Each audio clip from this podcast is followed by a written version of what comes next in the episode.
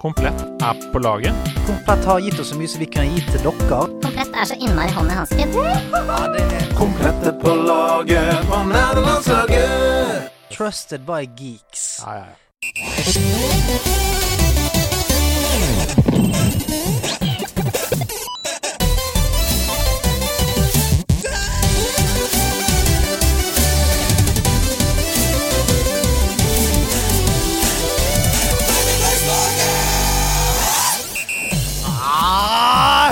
Jeg noen som snakket om å trekke krakker bort et glass? Ja da, det var det jeg hørte.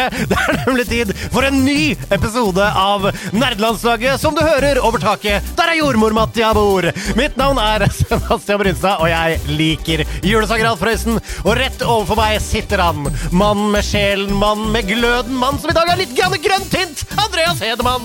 Can he play? Can he play? Can he play? Well, can he play? Are you not entertained? Det er litt den vibben. Det er litt den vibben. Ja. Tommy Andersen, som har sendt oss inn uh, catchphrasen 'Can he play?' Can he play? Som han sier refererer til en scene fra Not Another Teen Movie. Og Ja. treneren, treneren skriker til en spiller Well, can you play? Jeg må si, en film jeg ikke tenker på hver dag. Not another teen movie. Eh, Men viktig for manges oppvekst. viktig for manges oppvekst, og Ja. på en måte tidsvitne som står som en påle i dag for å referere til samfunnets, eh, samfunnets utfordringer og de sosialdemokratiske utfordringene på den tiden. Da. Ja, men du må huske at dette var opp eh, Dette er liksom eh, for å skyve oss inn i puberteten. Eh, mange av oss eh, med Not Another Teen Movie, Road Trip og disse filmene. Så mm. Men det er jo altså bare Can he play? Play? Det, er, er veldig tydelig at eh, hvis du ser den filmen dubba på norsk, Ja. da er han treneren er bergensk, og da Ja. Men han, da! Nettopp! Ikke sant? Det er der det sitter! Mm, Det er mm. der det sitter, og det går jo også inn i denne gamingverden som hånd i såkalt hanske. da Ja, hansken er jo som kjent sydd for han. Absolutt. Hvordan går det med den der, altså? Du, det går bra med meg. Nå sitter jeg og tenker på de Nintendo-hanskene som kom med Virtual Boy. Husker du det? De som skulle være sånn VR-hansker som gir deg Pow- touch. Power, Power Glove, ja. Det var det det var, ja. Du er bedre på Nintendo-historien Og og det var jo en kontroll, den powergloven som du kunne Altså, Jeg vet ikke om den kom til Virtual Boy, det kan hende vi snakker om to forskjellige ting. Ja, det kan det. Men, men den powergloven den var i hvert fall sånn du kunne bruke den da, til å styre spill. Eller du kunne ikke bruke den til å gjøre noe som helst. Nei. Men jeg, jeg mener å huske at Duck Hunt, at du blir helt uslåelig Duck. Hunt med det. Det er gi alle gimmickers mor. Det er alle, det er all, alle gimmickers mor, altså. Det er vanskelig å hanskes med den gimmicken. Se! Right. ah, Fy faen. Søren, mener jeg. Vi banner ikke den podkasten. Vi gjør det. Selvfølgelig gjør vi det. Vi gjør det. Det Du får både latter og masse fra soundboardet her. Vi bare Så. Had your kids and had your wife, som jeg pleier å si. Jeg har det veldig bra. Du spurte om det for ca. ti minutter siden. Det. Nå skal jeg svare. Um, det har vært en fin uke. Jeg gleder meg til å snakke om hva jeg har spilt uh, siden sist. Men uh, på torsdag Altså Førstkommende torsdag, det er jo dagen etter dere hører dette. da Hvis dere hører på premieredagen i morgen, så er det endelig quiz igjen! Ja. Med Hasse Hope Pastorius. Hans Christian Horpestad kommer. Han har nemlig gifta seg med Ida og tatt hennes etternavn. Det er altså så innmari i tiden, det. Ja, det er det. Her på House of Nerds, han er hjemme fra Thailand. Han er brun. Han har fylt opp eh, Kunnskapsbanken med nye spørsmål uh, i Thailand, fra Thailand.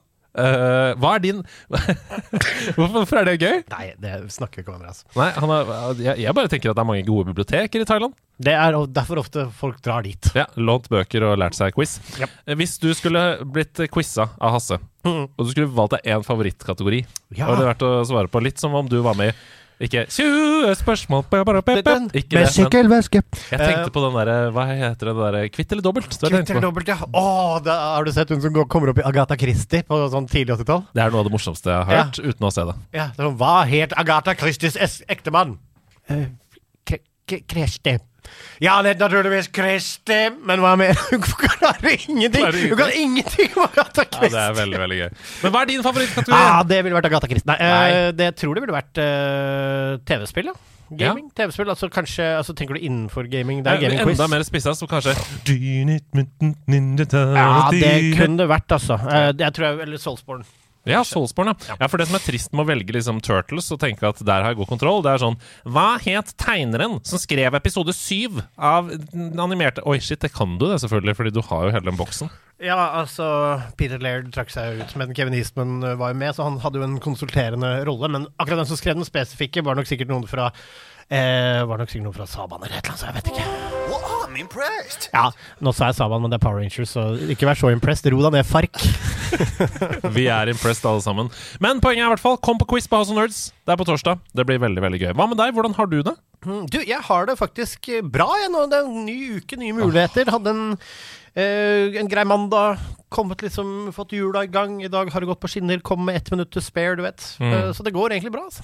Du har en annen glød over deg nå enn Ja. du har hatt etter jul. Det har vært mye på uh, tallerkenen. Ja, det har altså, det er rett og slett et såkalt breddfullt beger av aktiviteter og få i gang alle prosesser og sånne ting som man gjerne gjør da, etter å ha hatt eh, julefri. Ja. Så nå begynner ting å gå litt, så det er fint. Ja, vet du hva jeg kjenner meg når jeg snakka med Camilla om det? At januar bare, det er bare et mørkt hull for meg. Det bare forsvant. Det er først nå vi har på en måte dratt i gang den gamle julevisperen og er klare for å kjøre inn i 2023! som begrepet sier, dratt i gang gamle julevisperen.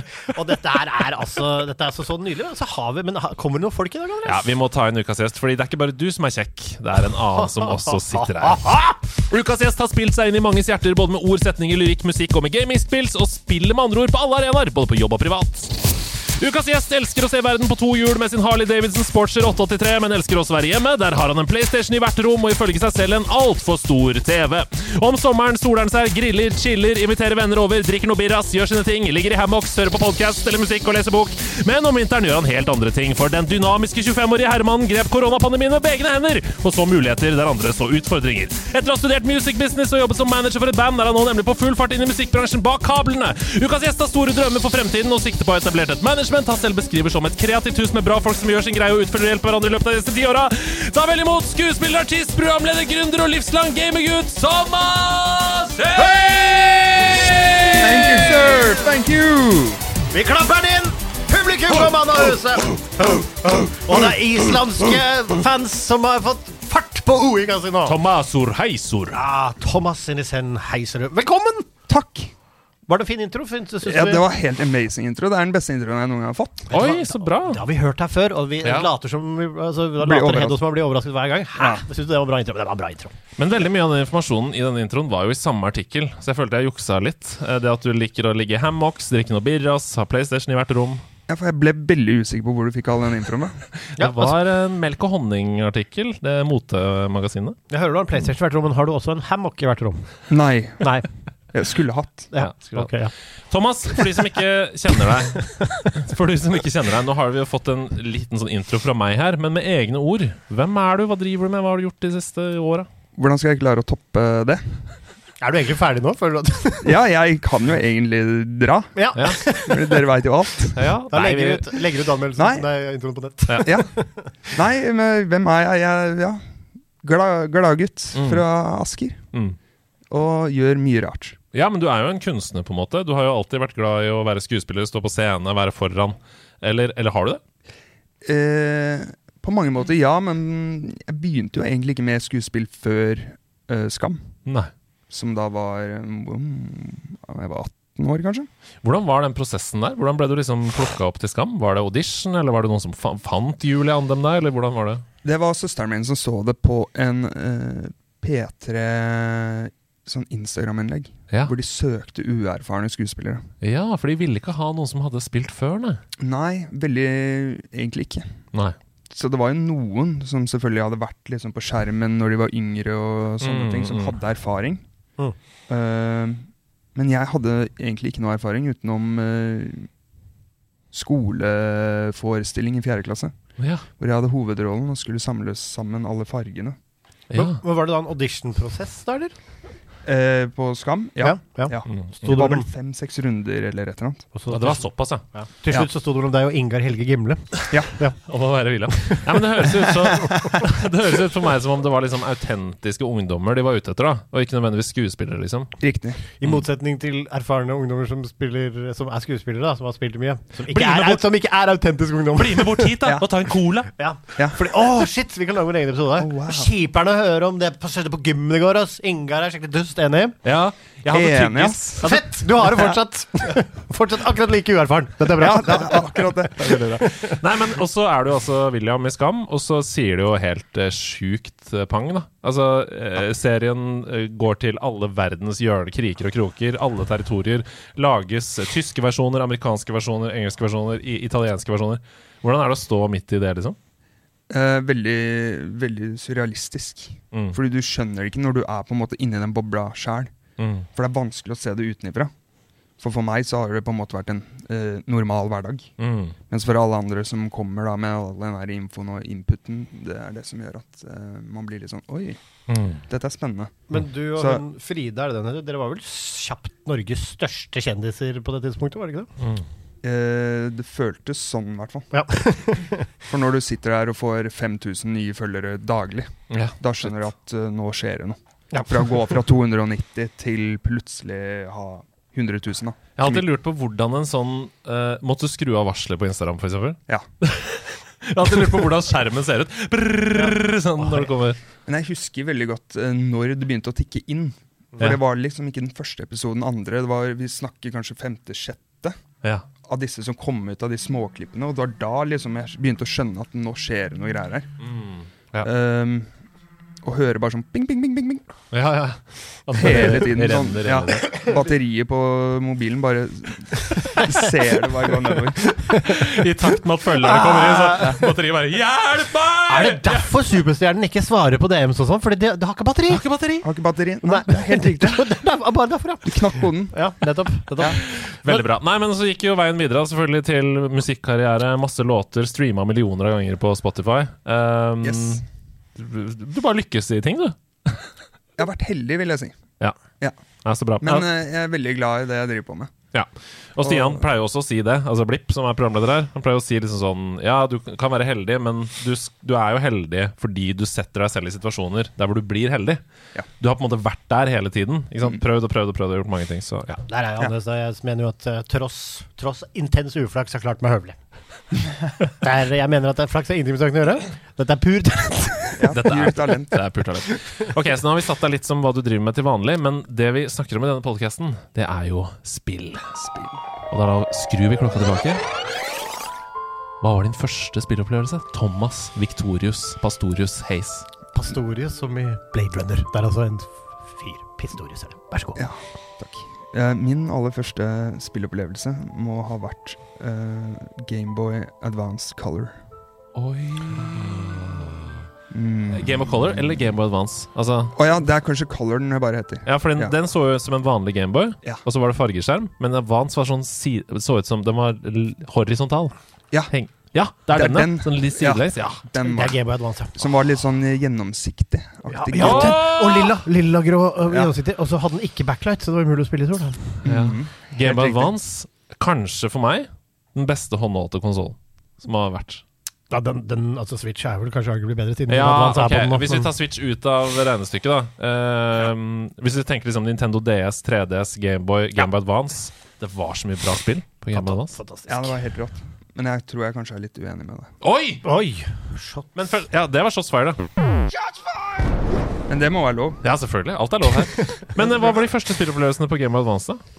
Jeg husker ikke nøyaktig helt hvilket spill jeg hadde.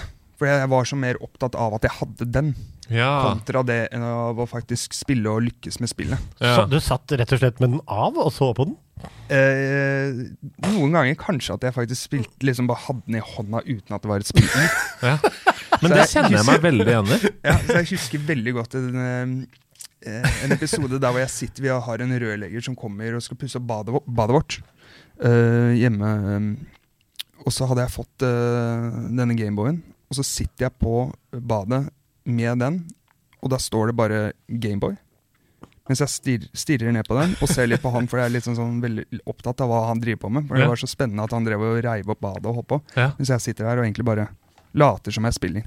Han skjønte jo at jeg ikke spilte, at jeg var, bare var en sånn idiot i veien.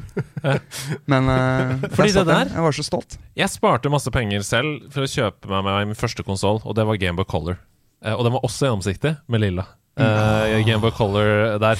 Og det var akkurat det samme. Jeg kunne skru på, og så kling, og så sto det bare Gameboy. Og så bare så jeg på det. Åh, Gameboy. Ja, den Game of Color. G vanlig Gameboy Color, så sto det bare Gameboy der. Ah, Koste meg med det. Så jeg kjenner meg igjen i det, altså. Men altså, jeg, jeg kjenner også, misforstå meg rett, jeg kjenner også igjen verdien man føler av liksom Dette er dyrt, tenk deg alle mulighetene jeg har. Den er så pen. Den teknologientusiasmen der, den er jo helt magisk. Ja. Men jeg pleier å kjøpe meg et spill, Thomas. Ja, Jeg, jeg hadde vel et eller annet spill, men jeg vet Jeg kan ikke huske hva det var. Og det er det som er litt sånn problemet, men jeg husker det aller første sånn ordentlige gangen jeg satt og gama lenge. Mm. For da hadde jeg mista denne Gameboyen. Oi. Men så hadde jeg fått meg en Gameboy Advanced SP. Ja, med to skjermer, ja! Med, ja, det var sånn Eller ikke flip. to skjermer, bare flipp. Ja, ja, ja. Det kunne du putte rett i jeans. Yes. Sølv med sånn tribal uh, oh, du hadde tribal! hadde det. Det var helt amazing. Og der satt jeg og spilte Assassin's Creed uh, Nei, uh, hva heter den? Prince of Persia. Ja! Boom! Og drev og hoppa opp og ned. Ja, ja, ja, ja. det var helt Altså, den, ja, den, SP, den Advance SP-en den hadde samme tatovering som Mike Tyson har i trynet. Har du tenkt på det? Ja! oh, Wow. Ja, tenk Men på det. vet du hva, jeg trekker også tilbake at det var den beste. Det er SP jeg mente, Ja. som er den Ja. beste. For den var lett å ta med seg. Den var en mye bedre skjerm. Uh, og jeg snakket, Jeg hadde nettopp lagd en sidequest med Rune Fjell Olsen om Ja. Game Boy Advance, og han sa det samme. Game Boy Advance SP, beste konsollen mm. som er Hva står SP for? Ja, det, akkurat det hadde jeg tenkt å spørre på. Special power. Det føltes som du trakk ut av hatten, Andreas. Ja, det føltes som løgn. Nå skal jeg google underveis her. Game by Dance, mens dere snakker om uh, f.eks. Prince of Persia. Ja, ikke sant? For Prince Ja. of Persia det er jo en Det, det er 2D-versjonen, ja, sånn som den var originalt. Yes. Ja, Med parkour-plattforming. Mhm. Var du god? Eh, Jeg mener å huske selv at jeg var god, Mm. men poenget var vel at man skulle komme seg ut av denne tunnelen. Ja, det, jeg har ikke spilt det, faktisk, så det Nei. må du nesten svare på. Ja, Det var det jeg mener, og så er det liksom forskjellige nivåer og levels mens vannet stiger. Det kan hende at jeg tar litt feil her. Ja, ja, men det er greit. Altså, det, det er mange, det er mange år siden, men jeg husker så godt at det var så fett. Ja, ja. Og det at eh, når jeg hadde fått den, så var jeg fikk den av fattern mens vi var i London. Mm. Og så satt jeg på, eller våknet opp tidlig på morgenen. ja. Hadde fått denne her. Hadde spilt litt på kvelden, men fikk ikke spille så lenge, for jeg måtte legge meg. ja. Våkne opp tidlig, få den på, og så plutselig hørte man Patong! Livredd. Ja. Ja. For det starter jo opp, og så kommer det sånn Patong! Ja. Brum, og så Ja. kommer de fargene over Gameboy. Og, sånn. og jeg var så redd. For at han skulle der- høre det? Men Ja, hør- for han men Gjemte meg under dyna. Så hørte du sånn denne Skrudde av lyset, fordi du hadde to lysfunksjoner på den. Ja. Altså som backlight og ikke. Ja. Skrudde av det, sånn at det ikke skulle lyse ut fra dyna, og satt der og spilte. Og jeg, jeg var så gassed. Det var så fett, ass. Det var helt amazing. Det står faktisk for special. Det det står ikke for special. power, men det står for special. Altså. Gameboy Advance Special. Eh, som, som jo gir mening, når du har gått fra en liggende som er inspirert av Nokia Engage, til en firkanta eh, Men med det er morsom SP, da blir det en morsom forkortelse. Så man husker ikke hvilken standup-komiker som har den vitsen, men det er at uh, ID, the, altså the abbreviation ID, eh, Mm. then the D does most of the legwork, because the I stands for I, and the D stands for identification. Sant! S står for S, ja, og P står for Special. Ja. ja, det er veldig, veldig gøy. Veldig gøy. Nei, men så gøy. Game by Advance SP. Da, Ja. Men da ble du glad i plattformspill, da? Altså sånn hoppe Mario, liksom? Altså typ Ja, men jeg falt fort inn for Pokémon. OK! Mm. Men det er, kan, kan jeg si, altså som for nesten alle som vi snakker med som liker gaming, og inklusive oss, Mm. tror jeg kan snakke for begge, at Mm. Pokémon på Gameboy er en av tidenes beste spill. Ja, det er helt ja. utrolig. Og da var det Var det uh, Fire Red kanskje du spilte da, eller var det Diamond, eller Um, Black and White, eller Sapphire og eh, um, Ruby. Ruby. Ruby. Ruby og Og så etter hvert så fikk jeg da Emerald. Oh. Og det var, synes jeg var det ultimate for resten av gjengen. Gikk enten da hadde du det røde eller det blå. Mm. Så da var det hvem er det du skal fange av de, mens Emerald, da klarte du faktisk å fange begge. ja, ja. Eller du kunne velge ja. hvilken retning du skulle gå, og så kunne du linke om, og så var det jo helt amazing. Hadde Linke til en- av de, få den tilbake igjen, prøve igjen. Du satt der med linkkabel ja, og trada Pokémon Ja, ja. med venner og sånn? Gjorde det. Så det, det, altså de som hadde multitap før i tida, det var fett, ass. Ja, de var jo De, de hadde, de hadde rike foreldre. Multitap-foreldrene. Ja. Hvor, de bodde i Askeli, sånne villastrøk oppi der. Men ungene fikk jo ikke lov til å spille. Nei, men Nei. Du vokste jo opp i et barnehjem med en ond anti-gaming-familie, litt sånn som Annie. It's a hard knock life Hørte under We don't get to play Ja. no games! Det er jo litt trist film. Nei, men eh, hva hva var din favoritt-Pokémon da? Husker du det? Eller noen du liksom falt for, eller eh, likte veldig godt? Ehm, nei, ikke en spesifikk favoritt, nei. Mm. nei, nei, nei. Hva var hele stemninga? Det å ja. være trener og gå ut og finne alle og sånn? Ja, det jeg syns også var så amazing, var at kartet var så stort. Ja, det var jo det. Du kunne reise så sinnssykt langt. Mm. Kontra liksom uh, Prince of Persia, der hvor du liksom Du er på samme sted. da Ja, ja. Og vannet stiger, og det er Vannet stiger. Det er bare litt lengre avstand mellom plattformene. You know. Det var ikke eventyrfølelsen. Det var Nei, det det var ikke det. Uh, men hvis du måtte nå, på ti sekunder, velge én Pokémon som du måtte havne rundt hele tiden resten av livet i virkeligheten, hvem hadde? Stakkars, så gir du mannen ti sekunder. Ti, ni, Å, Ja. åtte, gud. Um, seks det er nå det står stilling, ja. Ja, ja. Så er Strøm, Tre, vann, gress, ild, stål. Å ja. Jeg hadde gått for eh, vann. vann, ja. Ja, ok, da får Ja. du ti sekunder til å velge en vannpokémon. Mm. Og det blir Magic Carp om du ikke skyter åtte, sju, Åh, nå husker jeg ikke hva den heter. Tre, to, Blastoise? Nei! en. Lapras? Jo, den er fett. Ja, Blastos er fett, Da. Blastoise er fett, men det er jo ev Da skal du Ja. ha med deg en ny Men jeg syns Char Char Charmander også var helt episk. ja, det er, ja, okay, ja. Charmander, ja. Det, er er- startersene du går for her. Ja, det Ja, det er jo litt det, men jeg husker at jeg også hadde en sånn liten figur. Charmander-figur, sånn plastikk, liten kar som jeg hadde med meg rundt overalt og mista den. Det er bare én Du mann! mister mye ting. Mister Gameboy, mister Char. Ja, har du, eier du noe som helst lenger? Jeg, ja, jeg gjør jo for så vidt det, da. Ja. Hva, er, eh, altså, hva er det dyreste du har mista, Thomas? Oi. Nei, det er et godt spørsmål. egentlig. Publikum krever svar. Ja. Publikum krever svar. Jeg vet ikke hva det dyreste er. Nei. Nei. Alle vet sikkert, at, sikkert mobil. Ja, ja, ja, der har vi alle vært. Ja. Ja. Alle vet at det bare er én vannpokémon som gjelder. Goldin, Goldin, Goldin.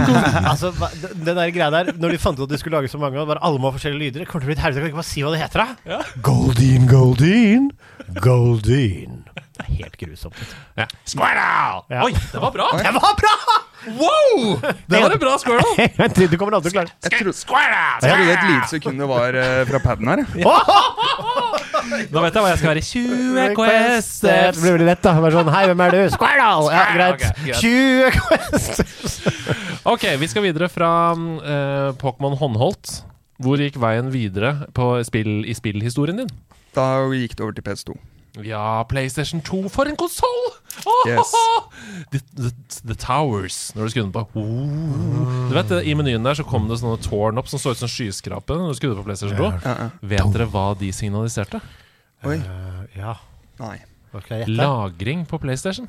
Sånn at hvis det var én fil som var veldig stor, så var det et veldig høyt tårn. Som signaliserte liksom, Hvis du hadde en stor Fifa-fil eksempel, lagra. Er ikke det helt sjukt kult?! Jo. Introen forandra seg ut fra hva du hadde lagra på PlayStation. Det er så Hidio Kojima at jeg orker ikke. Ja, ikke sant? Og det er sikkert eh, Er det sant? Ja, det er helt sant! Føler du at det er løgn? Kunne vært Ja. en sånn fin sånn her, liksom Ville det vært typisk Hedman å finne på noe sånt? Nei, men det kunne vært en fin sånn 'jeg veit svaret', ass. Ja. Ja. Skjønner du? Men, ja, men altså, det det er god Men jeg tror på det. Ja, ja, nei, jeg har bare lest det på en, en artikkel, så det kan være fake news, for alt jeg vet. Men Det eh, er rart fake news Men du hadde jo minnekort, og det var jo full pakke. Mm. Måtte bytte det når de ble memory cards! memory cards. Når de ble fulle. Mamma! Jeg vil ha memory cards til jul! Ikke tale om sønn, de skal ha nikkers. Men, men en kompis, han hadde den kofferten.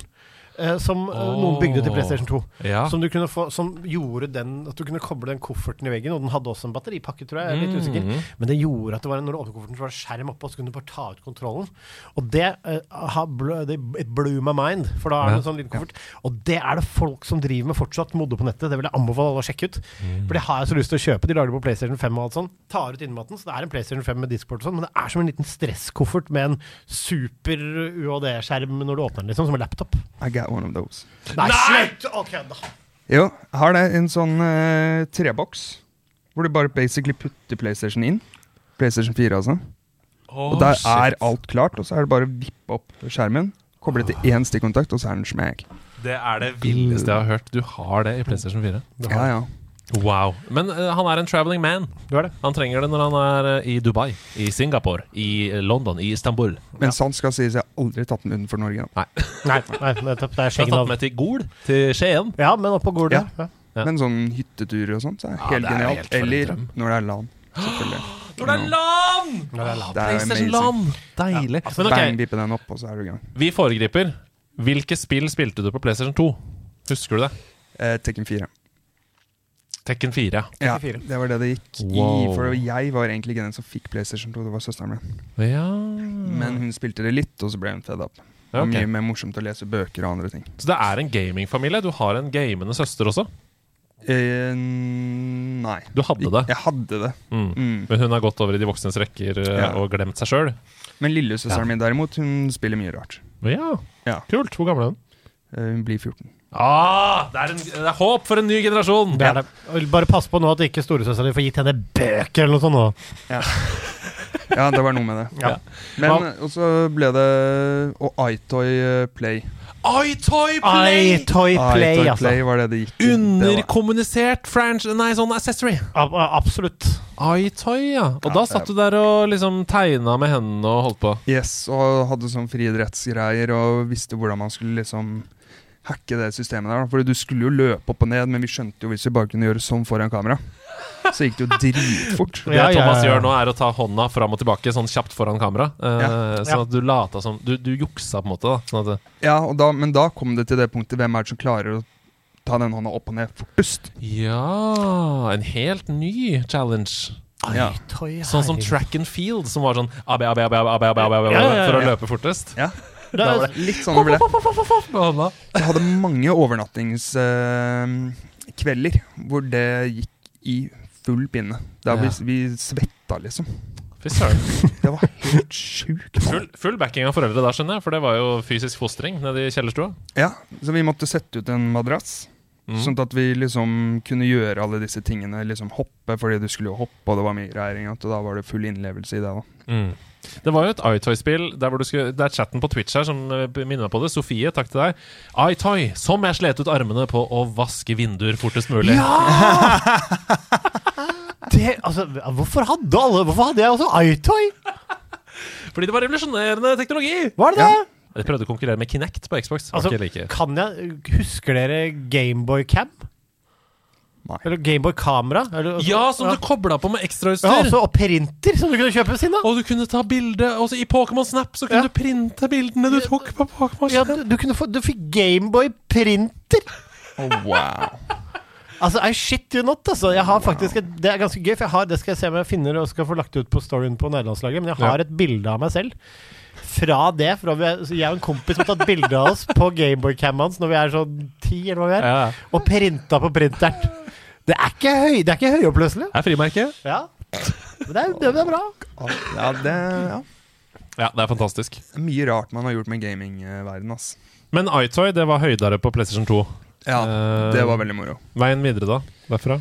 Ja, og så begynte jo Fifa å ramle inn. Da Ok. ble du spist av Fifa-basillen, ja. Yes, den typiske der. Så det var eh, Fifa World Cup 2002. Åh, Sør-Koreas store år. Yes, Jep, det var liksom Da begynte Fifa-ballen å rulle. Ja. For det var sinnssykt spennende. ja. Da du måtte løpe og tappe trekant, og du kunne takle keeperen rødt kort med en gang. Og det var helt konge. Må påpeke at det er litt mye nesepust fra høyre her på Sebastian i dag. Jeg lurer på om det er fordi han ikke puster med munnen i dag, eller om han har Bare hører en sånn jevn bakgrunn av nesepust. jeg tror ikke noen legger merke til det. Dette tror jeg ikke noen kan egentlig høre noe særlig. Fint å være litt, litt Jeg er veldig, jeg er veldig forkjøla i nesegrevet. Ja, ja, det så vent litt, skal jeg gjøre det alle liker best. Hvis du er litt var for lyd nå, hør bort. Der muta vi Sebastian litt. Sånn, der fikk vi nappa snørra opp i grevet, som vi sier, og nå er det mye bedre. Bra. Eh, Videre. PlayStation 3, da. PlayStation 4. Du har vel gått hele PlayStation-veien, liksom? Den veien. Og PSP. Og PSP! Kan ikke glemme det. Og det er det jeg mener, som jeg syns er den beste håndholdte. Ja, du og Markus Nordli fra The Tweakers mener Ja, ja, ja, at. PlayStation Portable er den beste håndholdte konsollen. Absolutt. Altså, Fortell. den var forut sin tid. Ja, det, men det var den. Definitivt. Helt spinnvilt hvor fett det var å ta med seg på fly, bilen, overalt hvor du skulle. Bam. Og der satt du med UHD-filmer.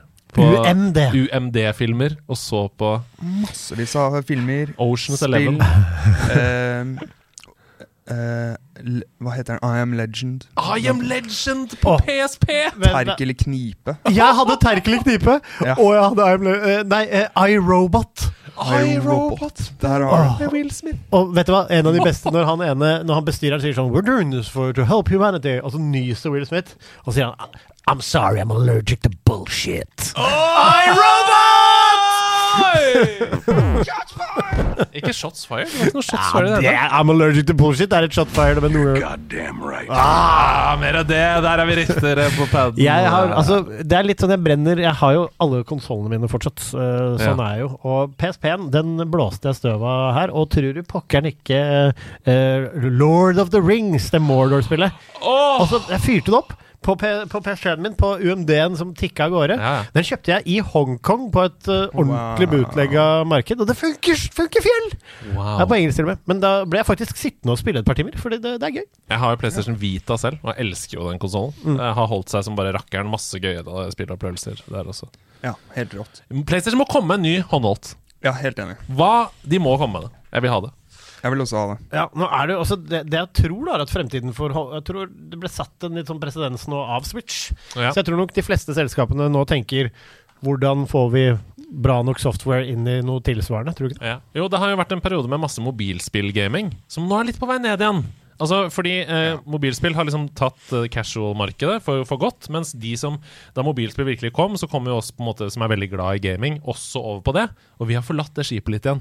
Jeg trenger en konsoll som er rendyrka for spill, som ikke gir meg varsler på WhatsApp og Slack og på melding, og noen som ringer samtidig som jeg gamer. Jeg vil ikke ha det! Jeg vil bare ha spill på den.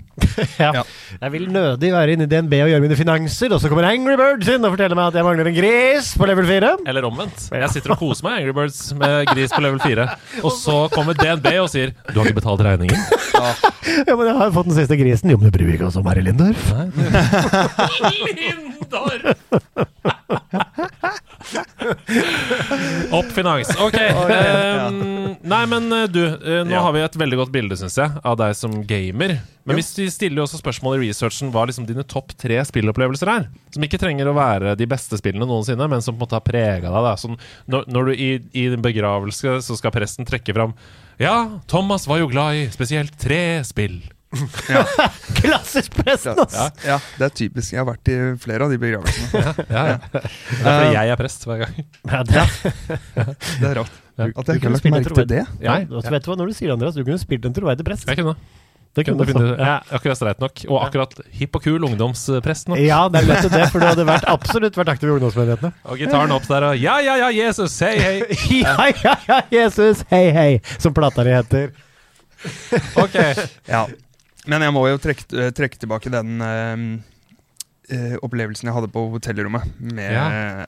Advanced Ja, der ja, under dyna der, ja. Med, dyna med Prince of Persia-spillet. For det var liksom den første virkelig sånn store opplevelsen av at Ja, det, er, der kom liksom spillkjærligheten. Ja, uh, sånn wow. At dette faktisk er mulig. Av og på med lyset. Lyd òg. Sånn smooth button opp og ned.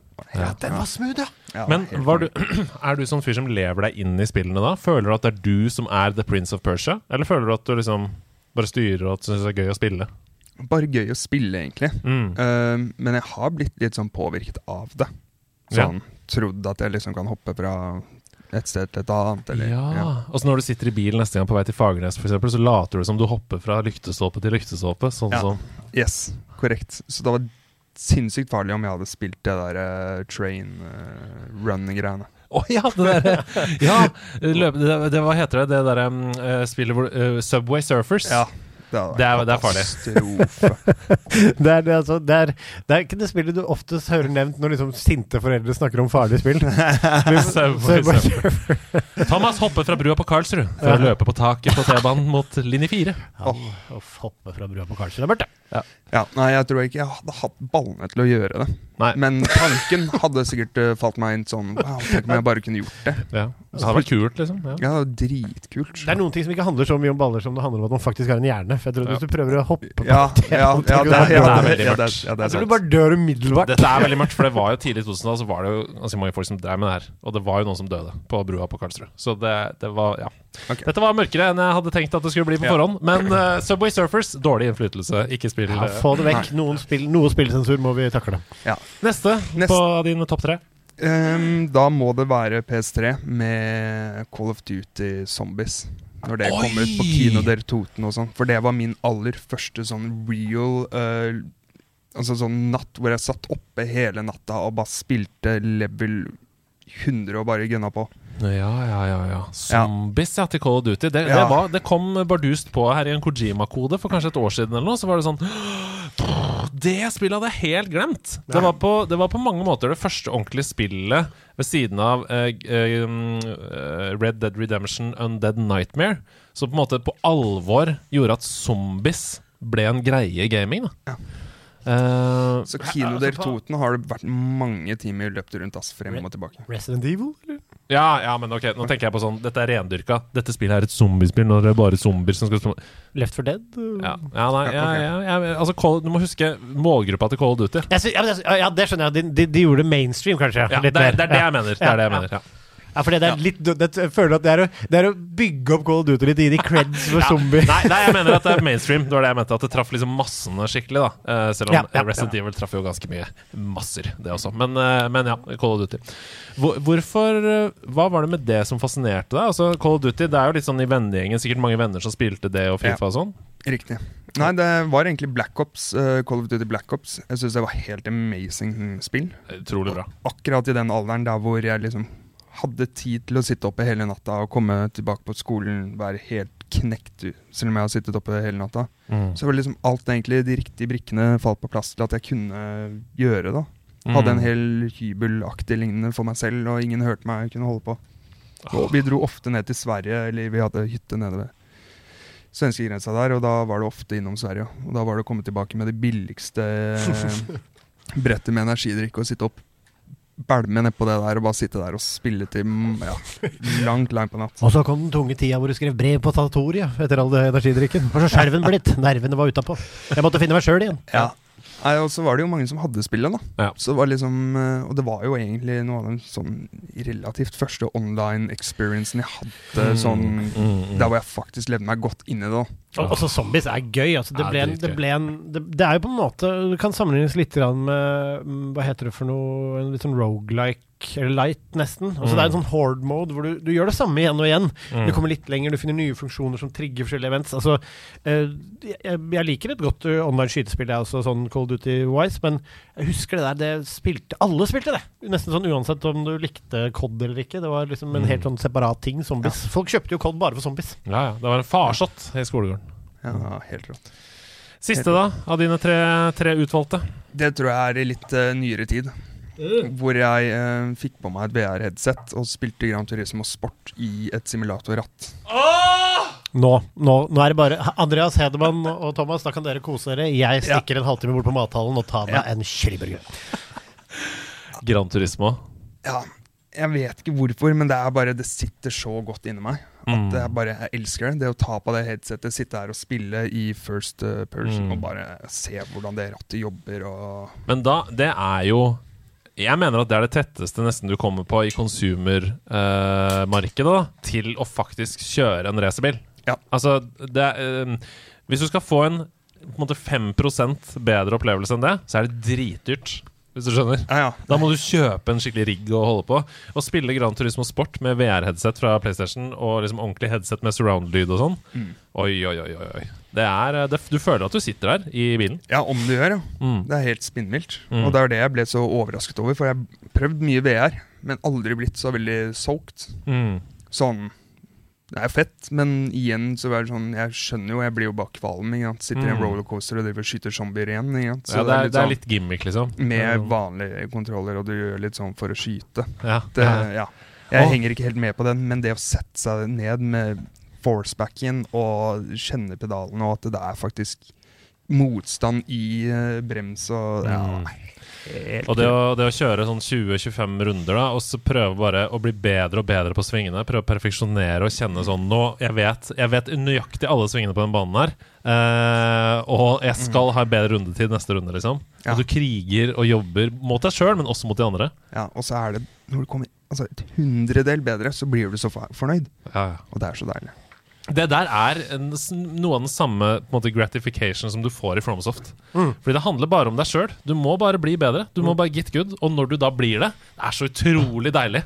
Ja, ja, altså, det, vi har, jeg har spilt masse Grand Turismo, vi har diskutert det masse. Og det er ikke så god som deg er så inne, men jeg kan virkelig henge meg opp i de tingene også. Og så på veldedighetsstreamen vår så hadde vi jo han Dennis, eh, Dennis Haugere. Ja. Dennis Haugere her, Mm. som satt med noen ratt og pedaler. Det var ikke det råeste i riggen, men du ser jo at eh, game recognizes game, da. Du ser hvor Ja, ja. utrolig god han er. Det er, det er jo racing. Du faller av naturlig, ikke sant. Og det er det Ja. som er fantastisk. Han har nesten aldri rørt Gran Turismo. Ja, han har spilt bilsimulatorer. Han spiller jo i Red Bull-simulatoren for å teste for de andre sjåførene i Formel 1 og sånn. Han spiller jo for Max Verstappen. Altså han, han setter opp, han spiller i simulatoren for at han skal få en best mulig bil. Eh, så han har spilt simulatorer. Men at han umiddelbart bare tar det og leverer i det spillet, det sier meg én ting. At spillet er bra. Ja, Det er det det Ja, ja, det er akkurat det det gjør. Ja. Det er utrolig gøy å høre. Fy søren, jeg blir, Dette kunne vi lagd en hel sidequest om. Bare snakka om Gran Turismo Sport. Um, men det skal vi ikke. vi skal gå videre. Hva er det du spiller nå om dagen? Sånn det siste året, liksom? Hva, hva, når du tenker sånn Å, jeg glemmer til å dra hjem og spille. Hva har du Da eh, kan det høres litt kjedelig ut, men i det siste så er det sjakk. Oi! Det ja, er jo et spill. Ja, selvfølgelig, men sjakk fysisk, eller sjakk på liksom chess.com? Chess.com er det Ja. det går i mest. Men oh, så har jeg fått et uh, fantastisk fint sjakkbrett i gave av min far. Wow. Som uh, jeg prøver i de fleste anledninger å ta med meg, men det er så svært at det går ikke. Men uh, hva slags rating har du? Nei, jeg er, det er dårlig, ass. Men du syns det er gøy? Det Jeg syns det er dritgøy, for jeg har også de siste to-tre årene funnet veldig god kjærlighet for strategibrettspill. Ja. eh, Som Katan, Risk ja, etc. sånne ting, ja. Sånne ting. Uh, Cluedo også, så kan også gå under den ja, mye av disse forskjellige Vi, greiene. vi sitter jo her på House of Nerds som er fylt opp med brettspill. Um, og vi elsker jo brettspill alle sammen, uh, så det resonnerer godt hos publikum, det, altså. Ja, det er bra. Um, brettspill er Brettspill er analog gaming. Ja, altså i aller høyeste grad. Og spesielt når du kommer inn i Når du fjerner flakselementet, som mange brett, øh, brettspill har. da Selvfølgelig det er noe tur i alle spill, men Ja. det syns jo Altså, når du Det blir jo akkurat det samme. Du legger en strategi, du lever deg inn i det. Du fører en hær, eller du skal bygge sivilisasjon, eller hva det enn måtte være. Jeg syns det er gaming i aller høyeste grad, ja. Hva er det du syns er så gøy med sjakka? Eh, det er litt den der samme strategien jeg får følelsen av, og så er det så utrolig mange muligheter. Ja, så det er jo helt spinnvilt. Ja, det er jo milliarder av eh, trekk og mottrekk og strategier og alt mulig. Man føler ofte det spiller sjakk at jeg, jeg ser noe på brettet som altså jeg er heller ikke noe spesielt god i det, men man ser på brettet sånn Nå kommer jeg til å gjøre et trekk som kommer til å revolusjonere sjakken. Ja, Og så er du, men det, det er det du ser, men så er du egentlig matt sjøl i to trekk. Skjønner du? Det er min Jeg skjønner sjakkopplevelse. akkurat hva du mener. Jeg føler, føler så sinnssykt på det der. Altså. Ja. Sånn, du sitter der og tenker sånn Nå har jeg nå har jeg nå har jeg. Neste trekk, sjakkmatt. ja, sånn, eller min favoritt er sånn etter 40 minutter tenking så er det sånn Nå skal jeg gjøre dette. Dette kommer til å bli kjent som Brynestads eh, vending fra, fra nå av. Og så drar du brikken, og så skal du slippe den, så er det sånn Dette trekket er ulovlig, for Ja, det er selv i sjakkmatt. Eller sånn Hesten kan ikke gå tre fram og én til side. Nei, det Var ikke, var ikke sånn hesten før? Hva mener du med springer en hest? Nei, det er deilig. Um, vår gode venn Aslak Maurstad, klokkismann, han har jo dratt i gang det som kalles Monkasjakk her på Twitch. Altså Norges største online sjakkturnering, rett og slett. Eh, med, der hvor norske kjendiser og vanlige folk, eh, holdt på å si, sjakkfolk, spilte eh, i team. Altså sånn at en kjendis fikk seg en mentor. Eksempel da eh, Magnus Carlsen. Det er kult. Og så skulle de liksom trene opp i en turnering, og så satte de mot hverandre. da Og det var utrolig gøy å se på. Så ta så send en melding til Aslak Maurstad, Det skal jeg gjøre. så kanskje du er med på neste sesong av Monkasjakk. Som mentor. Som mentor! Boom! Ja, da går det dårlig. Du og jeg sammen, Thomas. Det er et sjakkteam. Men jeg er fra Lommedalen, og det teller for noe. Ja, det gjør det absolutt. Jeg tror ikke det er noe Det ligger i- sjakktrekk. Ops! Sitt sier deg sjøl en lyd. Der er du! Der er du. Den sitter. Nei, men uh, noe annet du spiller om dagen? Um, det siste jeg spilte på PlayStation, var GTA Online. Oh, GTA Online, ja. Har du en eh, vennegjeng og en klan og en motorsykkelklubb og holdt på der, eller? Hadde, Ja. men alle har forlatt. Selvfølgelig. Det er Ja. det som skjer.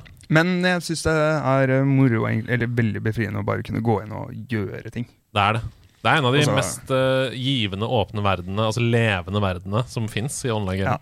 Så var det og Red Dead og ja, hele det der eh, greiene. Bare komme inn, spille ti minutter. Du trenger liksom ikke komme til et punkt der hvor det er liksom sånn Hvis du kommer deg aldri kommer til liksom neste punkt, da, så må du gjøre det på nytt. Det er bare inn, gjøre ting. Ja. Stjele en bil, spille på kasino. Ja, bare gjøre litt. Du har ikke prøvd å spille rollespill da, i GTA Online? For det er jo eh, jeg, Mange skuespillere driver med det. Altså Aslak som jeg nevnte nå nettopp, har jo også gjort det. Hvor du går inn, og så er det liksom Det er en eh, server som er gjort om til f.eks. Oslo, da. Og så tar du rollen som en politimann, og så kjører du rundt, og så står, står istedenfor liksom eh, Venice på kartet, så står det Blindern. Og så er det liksom Det Jeg syns det ser så gøy ut, jeg. Ja, altså det, det rollespillservere kan være ganske gøy, og da, det er beinseriøst, da. Så det er jo sånn når du, noen gjør noe kriminelt, så, så opererer de som spiller politi, og det er norske politibiler, det er modda og sånn, og de opererer der sånn Det er ikke sånn bang, bang, bang, og Nei. det er liksom Nei. De ekte biljakter, og de gjør det til boka, og det er sånn Ja, ja. Leser opp rettighetene, og det er, litt liksom, ja, ja. det er ikke Det er ordentlig, ordentlig gøy er å se på. Ta, men ta og Søk på det på YouTube, så kan du se norske rollespillservere i GTA. Det, jeg tror det er gøy. Ja, det er spennende. Noen av de største norske streamerne driver jo med det. GTA Roleplay. på norsk. Wow. Mm. Ja. Hva, hva med deg, Sebastian? Hva har du spilt i det siste? Hva har jeg spilt i det siste? La meg bare si Vingarium Leviosa. Det er Hogwarts Legacy som har vært på menyen i det siste. Altså. Har du testa det, eller, Thomas? Har ikke det, men jeg har veldig lyst. Ja, hva, hva er det du For det første, syns du det er bra? Liker du det? Jeg elsker det. Ja. Eh, nå har vi lagt all debatteringen som har vært rundt dette bak oss. Ja, Ja, nå vil vi nei. ikke snakke mer om det. Ja, og det må jeg bare si rett ut, da. Vi, nå har vi snakket om dette og nederlandslagets standpunkt i to episoder. Ja. Vi har bestemt oss for å behandle det som et spill. Ja. Så vi snakker om det som et spill. Dette er et spill som uh, vekker den magien i meg som jeg elsker i, uh, i, i populære kulturelle uttrykk, referanser og ryggmargsreflekser. Eh, når jeg kommer inn i det, så er jeg på Hogwarts. Når jeg kommer inn der og lager karakteren min. Karakter creation, ikke så bra. Eh, kun litt lackluster. Eh, men så får, du får ikke helt deg selv. Men det er ikke så farlig. Du går ikke rundt og ser på ditt eget ansikt. Ja, det er noe som er litt wonky der i ting, men i ansiktsanimasjoner og sånn, ikke helt prikkfritt, men mer enn bra nok. Og verden, karakterene, mesteparten av skuespillet, hvordan de har realisert hele Hogwarts, hvor svært det er. Fly på sopelimer, reise til alle disse stedene du kjenner. De små detaljene fra trompetblomster til sonks eh, i Hogsmeade til Altså og, og combaten er til og med supersatisfying! Ja, ja. Og den er vanskelig på hard. Så, hva, hvordan klarte de å gi det skittige inntrykket de klarte å gi av dette spillet i promoteringen av det? Ja. Altså, de, de første gameplay-videoene så så kjedeligste spill i verden! Og nå koser jeg meg altså glugg. Jeg har ikke fått spilt veldig mye, men eh, jeg og Jenny spiller det sammen. Mm. Eh, og bytter på å spille og se, og hva gjør vi nå? Og skal vi gå litt ondt? Skal vi gå litt snilt? Altså, vet du hva?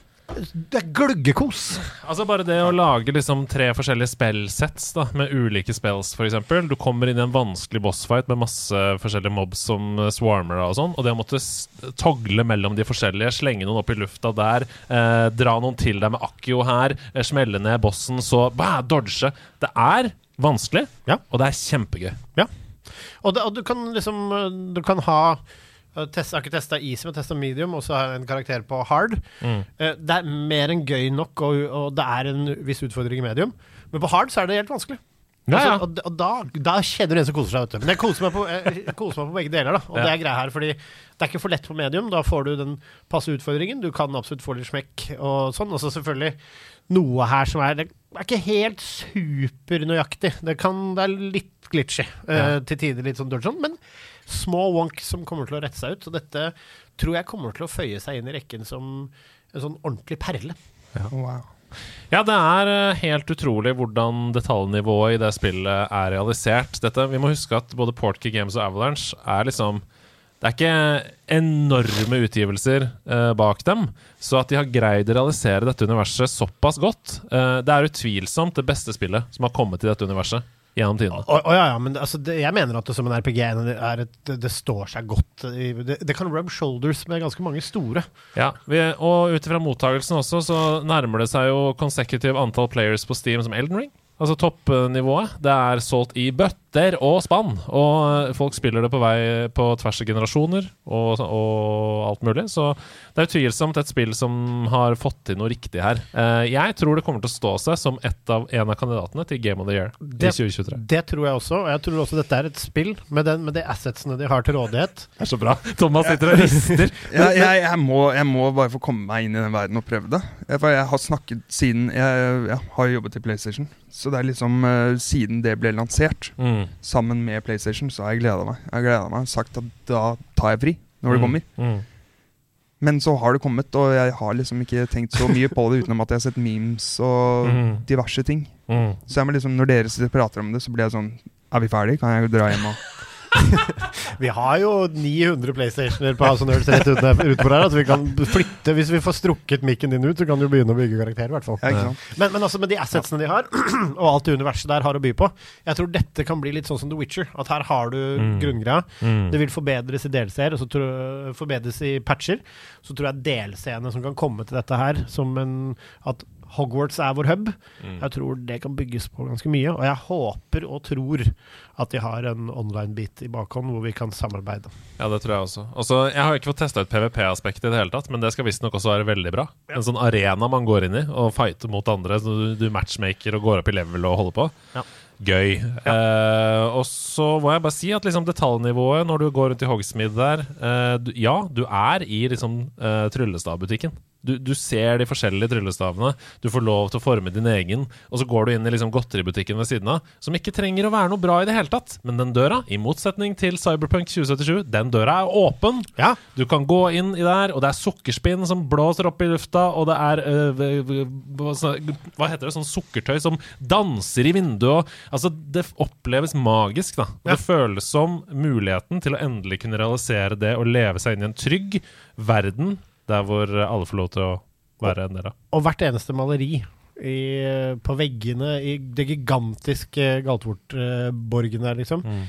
Animert. de er levende. De snakker til deg, de sier ting. Det er spøkelser. Når du går fra A til B Det er hemmeligheter overalt. ja, Du kan trykke på den, så åpner døra seg. Altså, det, det er rett og slett ordentlig Det er rett og slett ordentlig magisk, Andreas! Det er Thomas tar seg til ansiktet, rister på hodet. Du skulle aldri sagt ja til å være her når du har lovet deg selv fri. Nei. Jeg, jeg, ja, det, jeg blir nesten irritert når vi prater mer om det, for jeg har lyst til å prøve det. Jeg veit ikke hva dere snakker om, skjønner du. Ja. Nei, nei. Det er litt av det som er problemet her nå. Men har du noe forhold til den typen RPG-spill? Altså Sånn som Assassin's Creed, eller uh, hvor du spiller sånne type action-adventure-historier? Uh, ja, men altfor lite, dessverre. Mm. For jeg ramla liksom inn i den der online gaming-verden. Mm. Det er egentlig på en måte der jeg tilhører mest når jeg gamer. Mm. Nei, men Spennende. Da gleder vi til å høre fra deg når du har fått spilt Hogwarts. Ja. eh, lenge siden. Jeg har også spilt eh, masse. Er det noe annet du har spilt i det siste? Nei. Nei, Jeg streama litt Heartstone på torsdag. Det var veldig koselig. Endelig kunne streame litt igjen på Twitch-kanalen. Jeg løy. Oi. Jeg har spilt litt Miniscap. Du har spilt eh, Minish Cap, ja! Ja, ja, ja. For det skal vi tilbake til i nyhetsspalten, så hold den tanken. Jeg holder den Hold den tanken. Uh, jeg streama litt Heartstone på torsdag. Uh, kjørte en arena-run der. Prøvde litt Battlegrounds. Koste meg. Og det, var, det er jo et spill som jeg kan på en måte spille nesten i blinde, for jeg har spilt det så mange tusen timer. Hvis du ser på veggen der, nå peker jeg for Thomas, så henger det på veggen perlet. Legend og legend-scoren til Andreas i Første, Hearthstone. første gang jeg ble legend i Heartstone, så uh, tok Camilla screenshot og perla den. da Så da var jeg nummer 14 000 i verden uh, den gangen. Ja. Har vært bedre siden det, men uh, det er et uh, fint minne. Uansett, jeg koste meg med det. eh, og så skal jeg begynne da i dag på det håndtegnede rev- og rådyrspillet Blank. Det er så din gate, og det ser jo utrolig vakkert ut. da Ja, det er med svart-hvitt med blyant er det tegna. I svart-hvitt og fine farger, som Kjell Aukrust ville sagt. ja, jeg syns det er veldig kult, og det, jeg syns det holder seg veldig tro til den stilen. Litt sånn som um, Cuphead. Ja. Holdt seg tro til sin stil. Ja. Så jeg, jeg er litt spent på hvordan det blir. Det blir veldig spennende. Men nå er jeg først og fremst spent på deg, Thomas. Ha med, ha med dag, hey, hey. Ha med, ha med dag. Ha med ting etter ditt behag. Fordi jeg har med dag. Nå sitter en liten gutt her, må tro meg lurer på hva for noe gøy alle ting som Thomas Har i sekken sin nå. Har du tatt med deg blyant, eller har du tatt med deg penn? Eller har du tatt med deg en oppblåsbar seng? Ja, den er ha med dag, Å, herregud, jeg lurer på hva han tar fram. Han får Tar han med seg en DS eller noe gøy fra Skam? Jeg tror han har tatt med seg et skilt som det står 'Willy av ham' på. Det skal vi finne ut av nå. For det er i deg. Da må jeg finne frem hva jeg har med. Ja, det er det nå. Skjønte du det ut ifra Vi- vi- Jeg, jeg måtte tenke meg litt om. Ja. Han tar altså opp en eh, svart, veldig lekker skinn... eh, Hva heter det? Skinnkoffertaktig? Dataveske. Dataveske. ja. Dataveske. Mm. Mm. Og det jeg har med meg, det er ikke så veldig spennende, men det har en veldig morsom historie. Oi! SP! Det er Gameboy Advance SP som ikke har blitt mista. The real. The real The one. real one. Helt blå Åh, og se på nydelig. Se på den. Og du vet du hva, du har jo ingen spilt i den, men du elsker å holde den. Hva er, det som er, er det noe spill baki? Ja. Super Mario. Å, det er Super Mario! Hvilket da? Uh, Advance 2. Å, Super Mario Advance. Han har aldri spilt det. Deilig, deilig, deilig. Uh, Hvorfor har du valgt å ta med denne? denne har jeg valgt å ta med fordi ja, jeg mista jo da Ja, den den, eh, originale. originale sølvet med, med Tribal. med Tribal på. Den som var under dyna der. Og så gikk jeg live um, for ah, begynner vel å bli kanskje tre år siden omtrent, på Ja. Instagram. Ja. Og så kom det noen spørsmål som hva er det du gamer? Mm. Så ble jeg sånn ah, Nei, jeg gamer dette. Ja, hva er det som gir deg mest nostalgi av gaming? Og så dro jeg av denne Hva Var det du, Andreas? Var det så på? Jeg stilte alle spørsmålene i liven til Thomas. Og så sa jeg da Det er jo Nintendo Mm. Advanced SP som gir meg den nostalgifølelsen. Mm. Har du det? Nei, sa jeg da. Jeg har ikke det. Okay.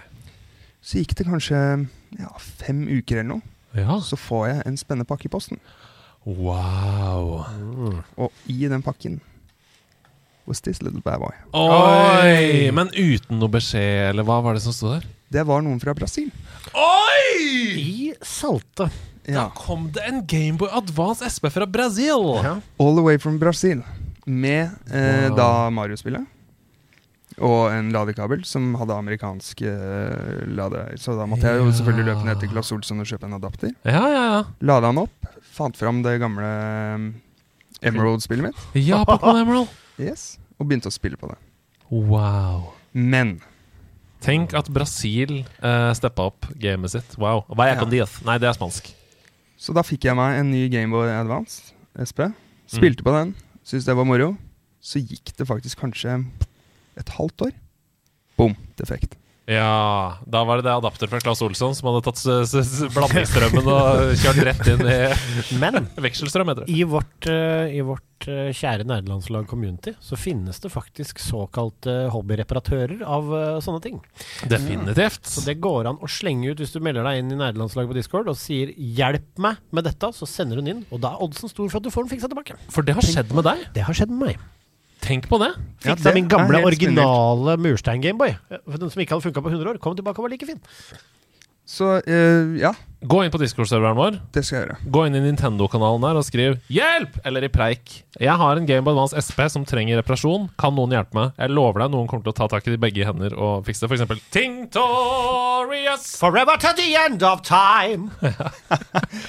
Nei, men så Det syns jeg er veldig morsomt. Eh, at, eh, for jeg drev og søkte litt rundt på Finn også, i den, faktisk, den lille perioden der etter at jeg ble stilt dette spørsmålet. For jeg ble litt sånn Ah, stemmer, det fantes. Litt sånn sånn der, eh, Er det sant? Ja, Var det en drøm? Uh, Men den sølva som du har mista med tribalen, har du sjekka under dyna? ja. Ja, er. Og jeg veit akkurat hvor den er. Oi! Oi. Eller sånn, ikke nå, da. Nei. Men jeg veit hvor jeg mista Du den. veit hvor du mista den. Fortell. Åh, leiebil i England. Nei! Jeg er jo halvt engelsk, så eh, faren min er fra London. Ja. Så vi, og vi har hatt et hus eh, sørvest, tre timer fra London.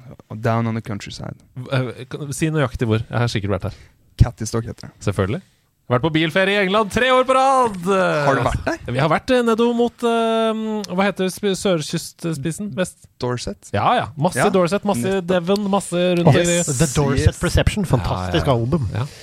Eh, og da hadde jeg tatt med meg Gameboyen Mm. over. For da hadde jeg falt tilbake i en liten periode der hvor jeg liksom skulle begynne å game det igjen. Mm. Men jeg hadde glemt laderen. Nei. Og så var jeg sånn, shit. Og så gikk jeg innom mange av disse forskjellige butikkene der hvor de har sånn game. For eksempel Game. GameStop. Okay. GameStop. For ikke snakke om Brian's Technology. Hva- ja. Lucy's Ja. Electronic Store. Cattystocks Video Game Emporium! Lars's, Lars's Video Movies Maker. Dives! Ja. Så, eh, ja. så jeg fikk spilt eh, litt på flyet og litt i leiebilen. Ja. Og så la jeg den ned i lomma Ja. på bilen. Og resten er Og så da dro vi hjem, og så når jeg satte meg på flyet igjen, da var da det plutselig bang! Hvor mange tårer? Ja, jeg var veldig lei meg. Fy søren, jeg hadde grått og grått og grått. og grått Ja. Jeg hadde vært helt utrøstelig. altså Men Ja. jeg, jeg var veldig glad for at Emerald-spillet mitt ikke var i det. Fordi Ja! var uh, Sapphire Ja, skjønner. Men fikk du, fikk du fikk ikke ny, nei? Foreldrene dine er iskalde mennesker. Uh, nei, jeg fikk ikke ny for det. Nei, jeg veit ikke hvorfor. Men, uh, Ja, det var en god life lesson. Du må passe på tinga dine, Thomas. Ja. Ja, Ja. det var det. Men, men, Men jeg fikk en ny fra Brasil, ja, for det, som er defekt. det jeg lurer på, da, er eh, Tenk om historien nå viser seg at hvis du nå skraper på baksiden av den, så ser du at den bare er spraya blå. Og så Og er det din gamle- det er den gamle grå. At det var en brasilianer som hadde vært i England og leid samme bil som dere har funnet den, og nå har han Ja. Tusen takk for en nydelig var helt Vi fantastisk. skal videre.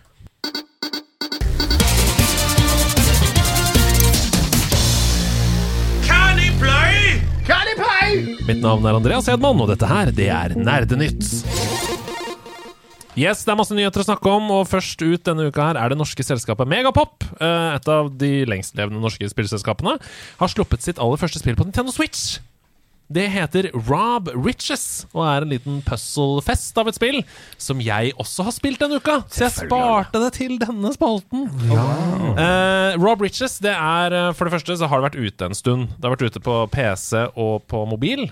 Men nå har det altså kommet til Switch, og jeg mener at det er den beste spillopplevelsen å spille det på Switch. For det er et såkalt pick up and play. Så du kan ta med deg eh, Ta en liten bane, legge den ned igjen hvis du er på bussen, eller hvis du venter på TV-innspilling mellom opptak, f.eks.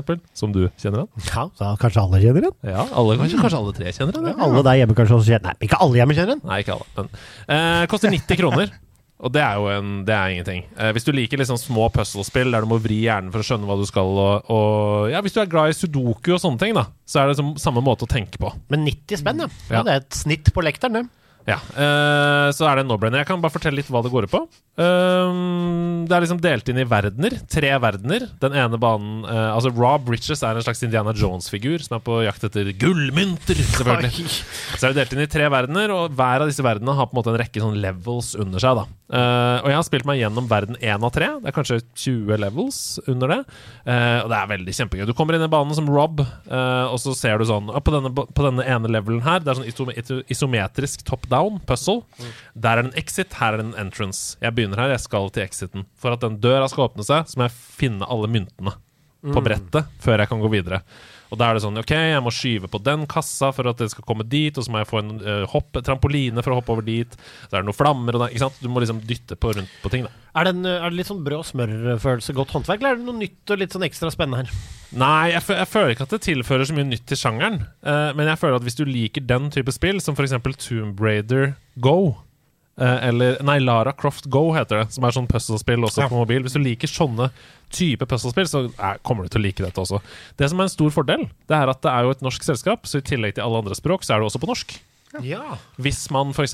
har eh, barn og unge i familien som har lyst til å spille et spill som er godt håndverk, og liksom åtte av ti, da Heter han eh. Rike Ronny da, eller? Nei, han heter Rob Riches. Han- Han, han han, er er halvt engelsk, ser du, Thomas. Han er fra Catterstock, han. Han har vært på Lars' Video Games Store! Og så har han gått på Catterstock School for Gold Collecting. Hver gang, sier, hver gang jeg sier Lars, så tenker jeg bare på Lars Ulrik. Han. Ja, Det er jo ikke noe det er annet. ikke så rart, det. Er ikke det. Ok, uh, Rob Riches, 90 kroner, Nintendo Switch. Kan også sjekkes ut på Det kanskje er på Apple Arcade, vet ikke. I hvert fall mobil og Steam. Vi skal ut av landet til utenriks, On a Nintendo Direct var det jo forrige uke. What the flonk. Altså, Nintendo Direct, disse pressekonferansene, har jo de siste tiden ikke vært sånn veldig imponerende. Man har bare tenkt sånn Å ja, ok, nå kommer det en ny en. Og plutselig, da, veldig typisk Nintendo, ut av ingenting, så kommer det Nintendo Direct med bare en hel haug med kule ting som skjer. Og det første er jo Pikmin 4. Uh, Pikmin 4 fikk releasedato 21.07.2023, midt i sommerferien der for mange av oss. Og i Pikmin så bruker du da en hel gjeng med små skapninger, som kalles for da Pikmins, til å beseire fiender, til å løse puzzles, til å komme deg videre. Du bruker da det, du, har liksom, du blir tildelt en hel gjeng, og så skal du flytte de rundt. Det som er nytt i dette spillet Dette er veldig gøy, fordi Pikmin-fans kommer til å bare «Øh, Jeg skjønner, det er dritgøy, men alle andre høres det jo helt fucka ut for. Det er en is-Pikmin i dette spillet som er ny. Du kan fryse ting. Så er det en hunde-Pikmin som kan dra objekter rundt. Altså, Pikmin. Når du sier Pikmin, så høres det ut som du sier noe annet. Ja, Det det jeg, synes jeg, er skjønner det, Ja, ja. men jeg er ikke ni år. Nei, men jeg er det, og da må det være lov å le litt av det.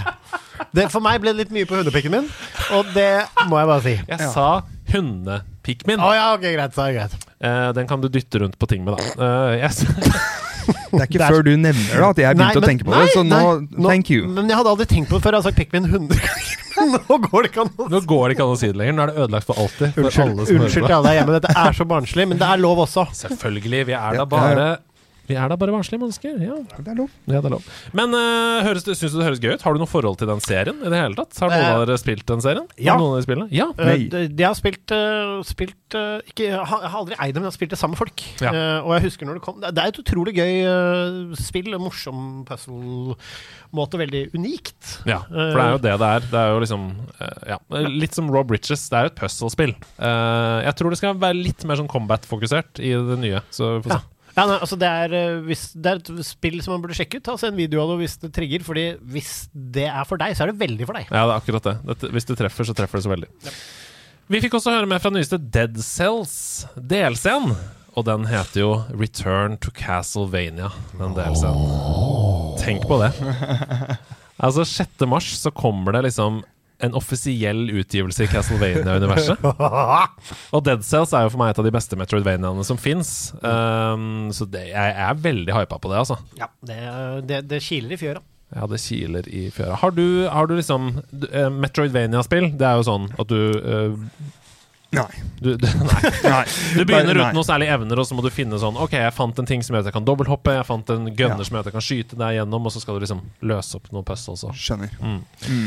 Jeg er veldig gira på det. Dead Cells er jo mye på en måte høyere tempo enn mange av sine andre konkurrenter i sjangeren. Så for deg som uh, liker f.eks.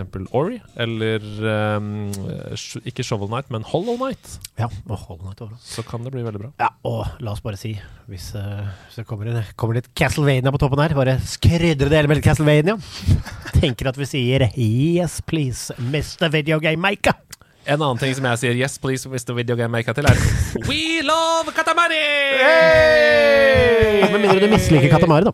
Nei, men det går jo ikke an å mislike Katamari. Altså, Kan du prøve å forklare konseptet til Thomas mens jeg finner musikken fra Katamari Damacy? Skal jeg fortelle deg noe gøy om Katamari? Ja. Jeg liker ikke Katamari, så du får ta det. Nei, Oi. det er det verste jeg har hørt. I don't, okay. I don't love Katamari. Hvordan går det an å ikke like et spill som har dette soundtracket? Foreløpig så høres det litt ut som Wolferstein, Brasil.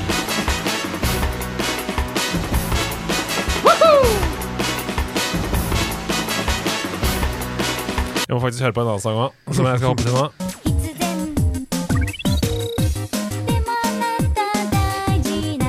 Jeg merker at man mer og mer lover Katamari. Det er eh, veldig veldig gøy. Altså, Katamari er jo et spill der hvor du begynner som en liten ball.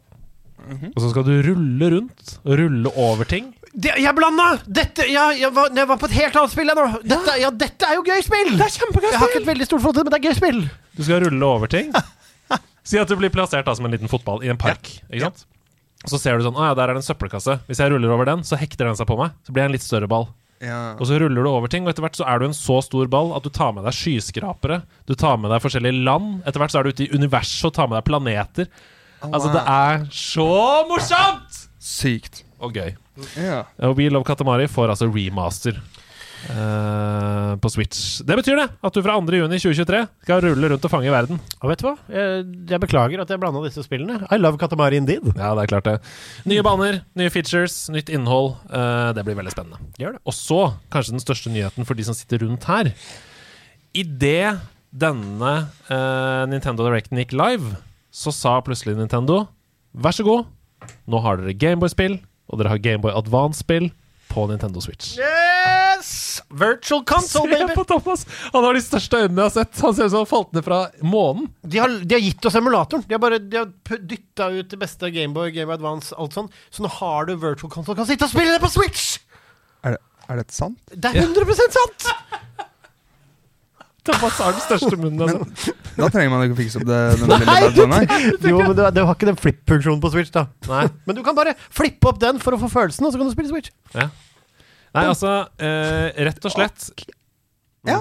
Super Mario Land 2, WarioWare, Mario Luigi Superstar Saga, Legend of Zelda The Minish Cap. Hello, og da skal jeg steppe inn. Det er utegående reporter Sebastian Brynestad her som kan melde om at The Minish Cap, en av de beste Zelda-spillene, uh, spør du meg, det er noe ute på Virtual Console. Det er det bare med én gang hvis du har en Switch bare, og ikke har spilt det, eller om du har spilt det. Jeg har spilt det hundrevis av ganger. The Legend of Zelda Minish Cap er spillet hvor du får ei lue. Eh, som eh, gjør at du kan eh, krympe og gjøre deg stor. Det er funksjonen her. Så det er litt sånn Link to the Past-estetikk, bare at det er mer tegna. Tenk deg Windwaker-universet, men i en sånn top down, gammeldags Zelda-stil. Og det er altså så magisk. Du krymper inn og møter minishene, og da er verden plutselig stor. Også når du går ned på makronivå, så er du inne i stubber, og verden forandrer seg, og slottene får helt nye ting. Og det er så vakkert tegna! Det er så pent, eh, det er så pent eh, i designet sitt. Musikken er fantastisk, karakterene er gøyale, historien er bra. Det er masse Altså, du har sånne amuletter for vennskap hvor du kan finne, og det er masse sidequesting og sånn. Legend of Zelda Minish Cap.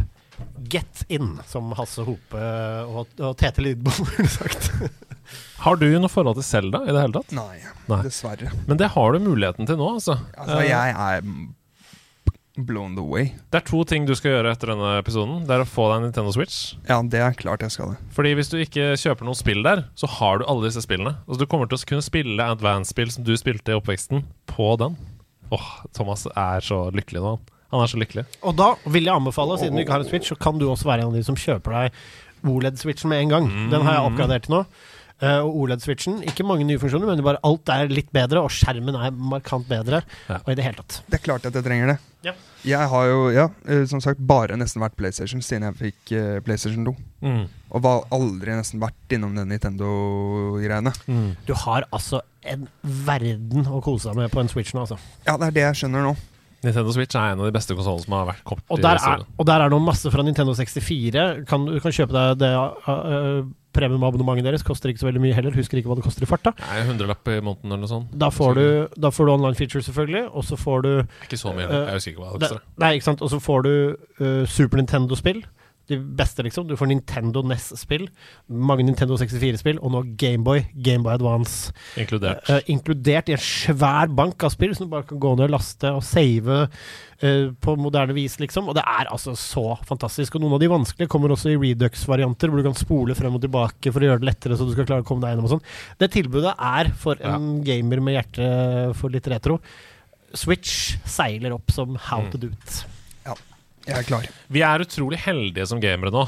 Altså PlayStation 5 er en fantastisk konsoll på sitt vis, med en helt utrolig DualSense Edge-kontroll og DualSense i seg selv, som har veldig veldig gode uh, features. Uh, Xbox er en helt fantastisk konsoll i seg selv, med et GamePass som ingen kan konkurrere med. Nintendo Switch har en online-funksjon med alle uh, spillene fra oppveksten, liksom. Det er en drøm å være gamer. Det er det. Nå. Det er det. Og snart kommer pokker ta meg Breath of the Wild 2 også. Ah, Tears of the Kingdom! What a time to be alive! Til slutt i denne Nintendo-spalten så skal vi ta med oss den beryktede remasteren som plutselig viste seg å være eh, helt ekte, nemlig Metroid Prime. Metroid Prime, et av eh, Hvis du går på sånn Metacritic, eh, de beste spillene i historien, så er jo Metroid Prime liksom topp ti av tidenes beste spill. Det er altså Metroid i 3D. Eh, pang, så lå det der. Rett etter at Nintendo Directen var over, så var det bare å laste ned på Nintendo Switch. Eh, ferdig. Jeg begynte, spille altså, det, jeg begynte å spille det i går kveld. Det skulle jeg aldri gjort. Å, det er derfor du er litt grå gusten rundt øya i dag. Det er så bra!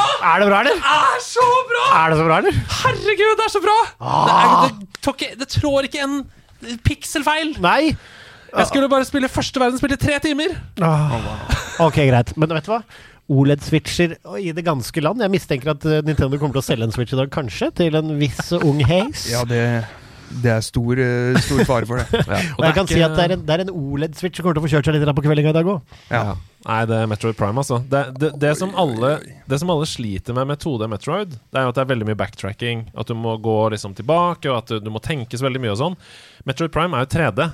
Så selv om ja, det er litt backtracking nå da, så er det mer lineært. Du, du går framover, og du er hemmeligheter og sånn, men du føles som du har bedre oversikt hele tiden. Og på switchen, hvor du kan ha mappet oppe, og du kan bare trykke på pluss, og alt er digg, og alt er digg overalt! Og du ser alle stedene du har vært, og alle stedene du ikke har vært. Det er det diggeste av alt. Det er den digge. Det er Creature Comfort. Ah, det er et så bra spill. Ah, Det er altså, så bra spill. Metroid uh, Nå blir det Metroidvania Mania, si! Vi skal til været, vi, i nyhetsspalten. Ja, så bra. Liker du været? Jeg liker været. Ja, bra. Eh, det blir mye oss og lite deg nå. Jeg håper det går bra. Det går veldig fint. For jeg kjenner liksom at uh, Ja, Entusiasmen vokser. ja den gjør det. Og at uh, det er mye jeg har gått uh, glipp av, føler jeg. Mm.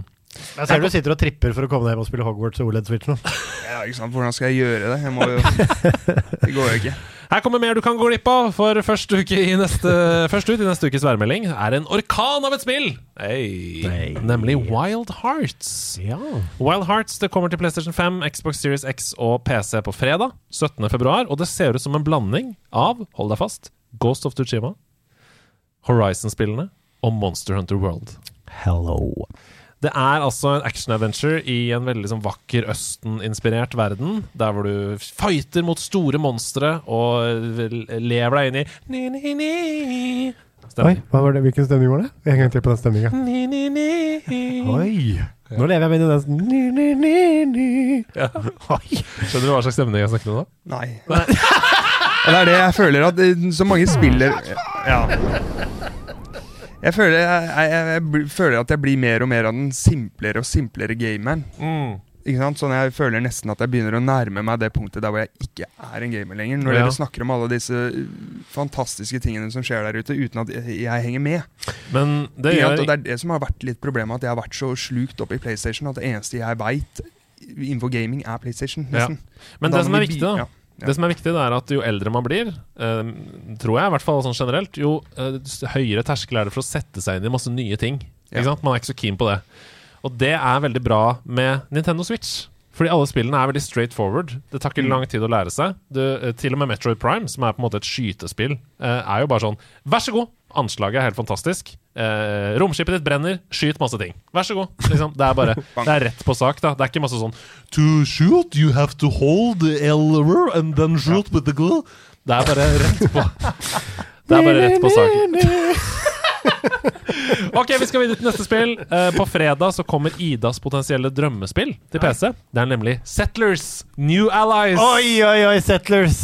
Idas? Det er Idas-spillet. Ja, det er et helt nytt Settlers-spill i den elskede gamle serien, da, The Settlers. Um, det kan se ut som at det er en del fans som er litt redde for at spillet ikke holder seg liksom trofast i oppskriften. At det ligner mer på Age of Empires enn på Settlers. Litt rann sånn skremmeskudd der, for da vil man jo heller bare spille Age of Empires. Men er det den gøyale grafikken fortsatt med litt store hoder? Og... Nei da. Det er, eh, det, dette er helt up to speed, men jeg liker jo egentlig det også at det ser veldig moderne ut. Da, så vi får se. Og så kommer det to spill neste tirsdag. Det første er et kontroversielt et fra et russisk spillselskap som heter Atomic Heart. Eh, Ja. Det har vært i utvikling i mange, mange år. Ser ut som en helt vilt høyoktan action-FPS med liksom abilities, skills. da Litt eh, Bioshock Infinite, rett og slett. Ser det ut som. Eh, nå har den utvikleren vært ute på Twitter og forsikret om at de er pro peace, og at de ikke oh, er en russisk eh, fest. Men det er litt vanskelig likevel, når vi vet at selskapet som utgir spillet da i Eurasia, som heter VK Play, har ganske sterke bånd til Putin. Eh, så hvis du kjøper dette spillet, så går det dessverre penger til russiske uh, myndigheter, da. Ja, ikke sant, For de som lagde Super Putin World til For eksempel. Nintendo. Um, så det får man bare gjøre seg en eh, avgjørelse på selv. Vi har ikke bestemt oss internt om vi skal anmelde det, eller om vi skal forholde oss til det på noen som helst måte. Uh, for det er jo tross alt sånn at uh, det er en angrepskrig som foregår fra Russland, uh, og vi ønsker jo ikke å støtte den med penger. Så får vi se, da. Ja, nei, altså hvis noen, av, hvis noen av de pengene går direkte til den greia der, da, da mistenker jeg at det er en del virtual console på Nintendo jeg spiller i sted. Ja. Fordi det gjør det jo. Altså Når utgiveren VK Play eies av på en måte Putin eh, med gjeng, så gjør det jo det. Det andre spillet som kommer neste tirsdag, er Like a Dragon, Ishin. Som er en remake av spillet fra 2014. Spin-off i Yakuza-serien. Yakuza-spillene. Ja, det har jo tatt Yakuza. Tok jo en turn med den Dragon. Ja, si. absolutt. Så det betyr at vi kan vente oss masse slåssing, masse spinnville takes på samtiden i Japan sin Edo-periode. Altså mellom 1603 og 1867. eh, Gamle Edo-perioden i Japan.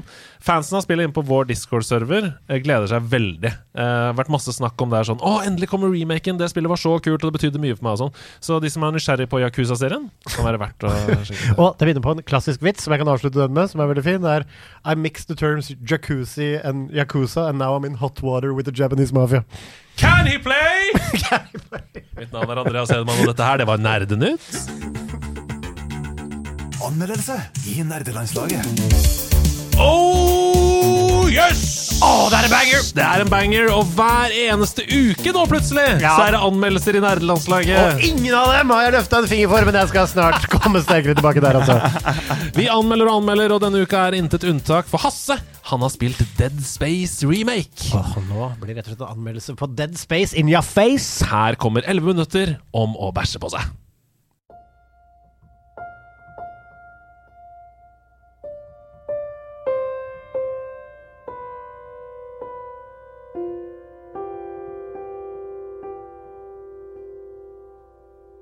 Da det ble klart at det skulle komme en remake av Dead Space, var det mange fans som hoppet av glede. Og jeg skjønte ikke helt ø, hvorfor. Ikke fordi jeg trodde det var et dårlig spill, men fordi jeg ikke hadde spilt spillet selv. Jeg hadde hørt tittelen opptil 15 ganger i løpet av livet, men aldri tatt meg bryet med å spille det. Det er nemlig først i senere år at jeg har begynt å tørre å spille skrekkspill.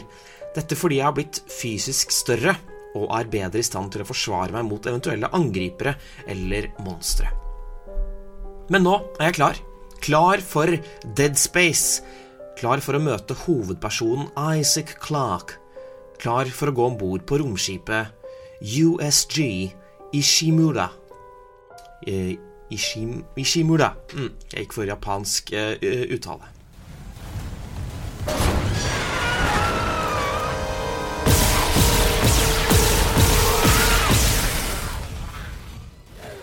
De fleste anmeldelser dere finner av denne remaken, vil være fra folk som har spilt originalen.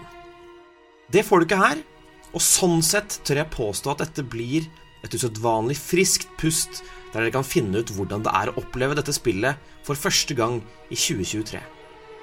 Det er jo uh, utrolig kult at, at jeg kan tilby dere uh, denne vinklingen. Så spørsmålet er er Dead Space remake like fett som spillene som utvikles nå til dags? Det blir på en måte Det, det, det er det jeg skal finne ut nå! La oss bare begynne med, med settingen. Som jeg nevnte for uh, 37 sekunder siden, du er Isaac Clarke, og du trasker rundt i det svære romskipet USG Ishimura.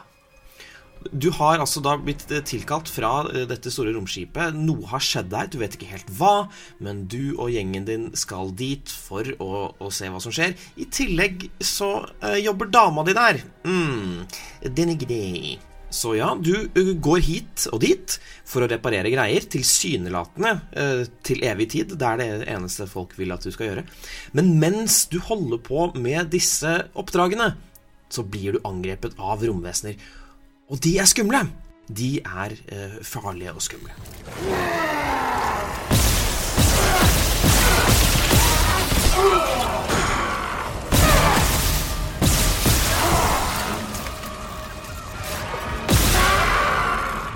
Heldigvis så finner du en rekke våpen som eh, hjelper deg. Og mest ikonisk er plasmakutteren.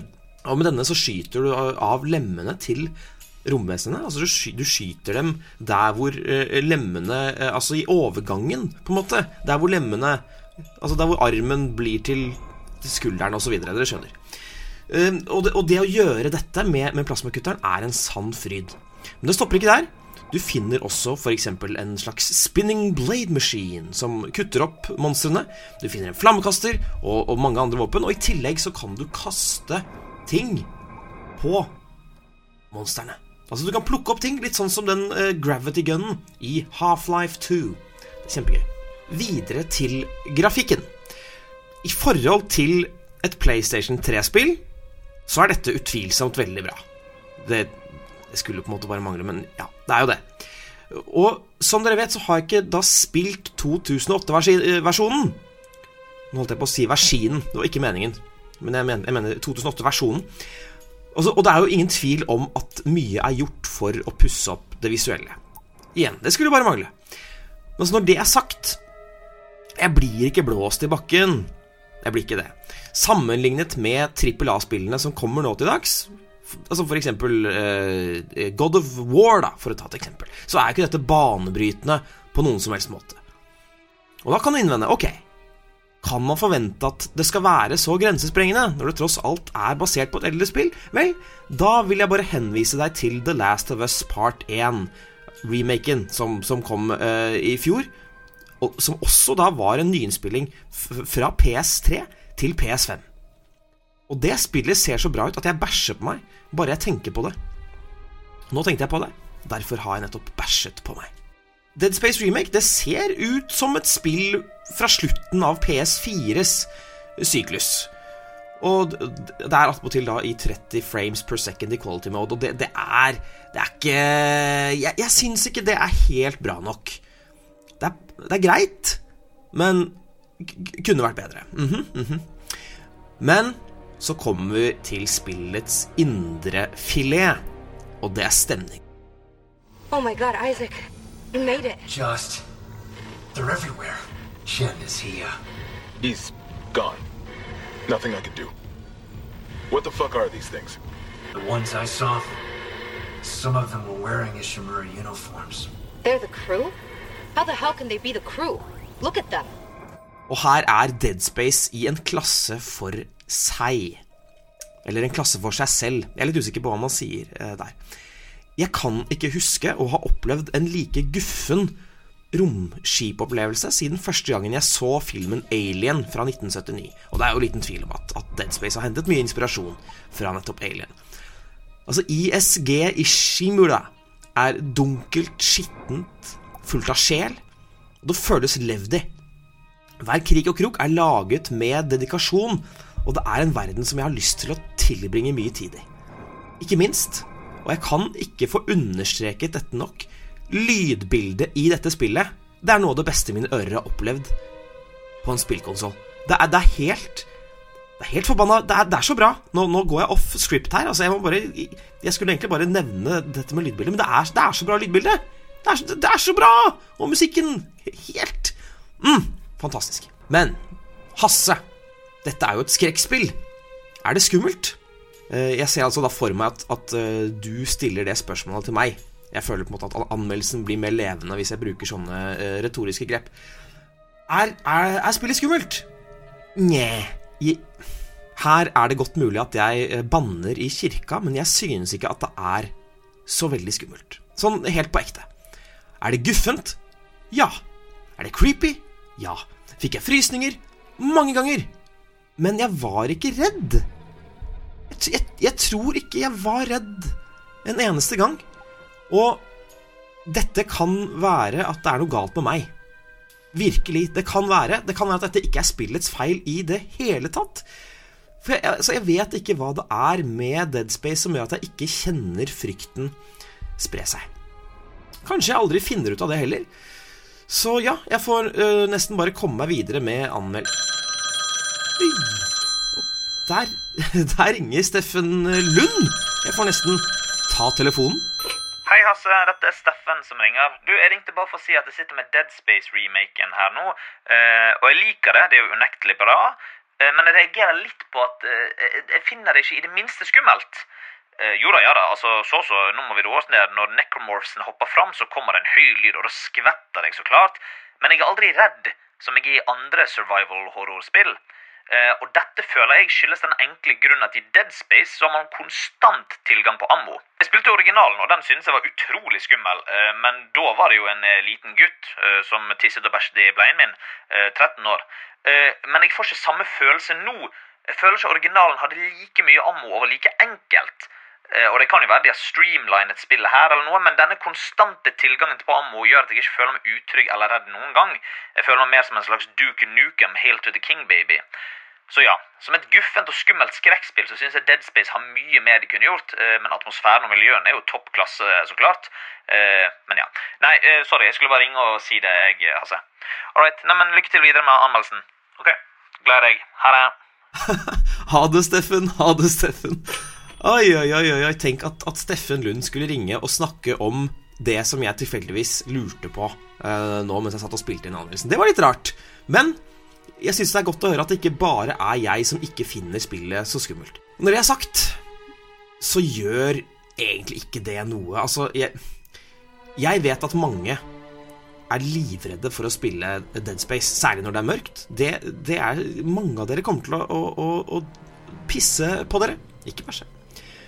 Men jeg, jeg tror rett og slett at jeg har blitt blasert. Særlig av spill som f.eks. Alien Isolation. Som da er et spill der du ikke har muligheten til å plukke opp ammo, plukke opp våpen og forsvare deg. Men jeg synes ikke nødvendigvis at, at det skal trekke spillet så veldig mye ned. Fordi når alt kommer til alt, og jeg ser tilbake på spilleopplevelsen, da er det liten tvil om at dette er et veldig, veldig bra spill. Og ut ifra andre anmeldelser Jeg veit det kanskje ikke er lov for anmeldere å sjekke eh, anmeldelser. Jeg, måtte bare se hva folk som hadde spilt det før, sa. Det virker som at mange forbedringer har blitt gjort, og som, som er merkbare fra originalen. Folk er veldig fornøyd med hva som har blitt gjort annerledes her. Så jeg druser ut en ganske saftig score. Og den scoren er 83 av 100. Er ikke det, er ikke det ganske bra? Jo. Det er eh, skummelt bra.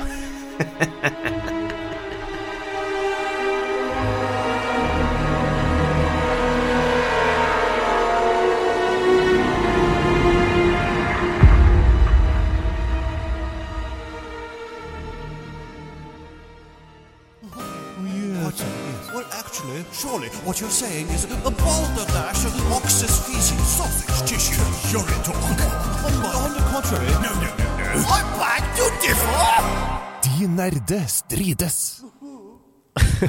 Thomas uh, Tinctorius uh, Hayes. Tinctorius Hayes nå. Du uh, har tatt med deg en kontroversiell mening inn her i studio. Ja. Hva er det du har lyst til å brenne ned studio med i dag? Eh, nei, eh, om det er så eh, ekstremt eh, kontroversiell, det veit jeg ikke. Men som dere sikkert veit nå, så jeg liksom, har jeg blitt mer en av de simplere gamerne. Jeg trodde før jeg kom inn her at jeg var en ordentlig gamer. Ja, og det er du. Men, uh, De aller fleste ja. som kommer hit, pleier å si det omvendte. Sånn, jeg trodde før jeg kom hit at jeg ikke hadde spilt så mye, men nå skjønner jeg at jeg har spilt en del. Men Ja. du sier, du sier Eh, Da er jeg en av de som sier omvendt. Å, skal alltid være så kontrær, du, Thomas. Ja, skal jo det. Må jo det. Shots fired. Ja, boom. Oh, wow. I beg to! Ja. Hva er din mening? Uh, jo, som dere Ja, Call of Duty er noe jeg gamer, men Warzone er dritkjedelig. Det er- Warzone er dritkjedelig, ja, altså! det, ja, Ut fra det jeg gamer, ja, det tar så lang tid. Wow. Ok, Et av de mest populære modesene i Call of Duty der også. Ja, som det er jo sitt eget spill. Ja, ja, som rett og slett har reviva hele serien og nesten uh, gjort at PUBG sliter, altså, Warzone. Hva, hva, hva er grunnen til å synes det er så kjedelig? Nei, som jeg sa, det, det tar så lang tid. Ja. Altså, Du hopper inn, og så hvis du dør så er, og havner inn i gulagen, så er du ferdig. Og da sitter du her og venter og driver og prater. Og Da kan man heller gjøre det over Teams. Skjønner du? Du mener at, du mener at Warzone kunne like greit vært en kveld på Teams? Ja. Nei, men jeg skjønner konseptet, fordi jeg liker Call of Duty-seriene. Og jeg, det har jo vært en av de som også har fått meg til å game mye. Men jeg liker bedre multiplayer-varianten. Ja. varianten. Respawner raskere, det er Ja. gunning. Bang, så er det på, og så er det ferdig. Ja, så du Sånn liker ikke det der Nå skal vi finne 100 spillere, vi skal sitte i loading Men er det skal ikke- sitte i loading-tid og vente. Men er det ikke om å gjøre når du spiller Warzone og ikke tape? Jo, jo, jo ja, ja, ja. Kanskje jeg har et dårlig team rundt meg. Ikke noe selvkritikk her!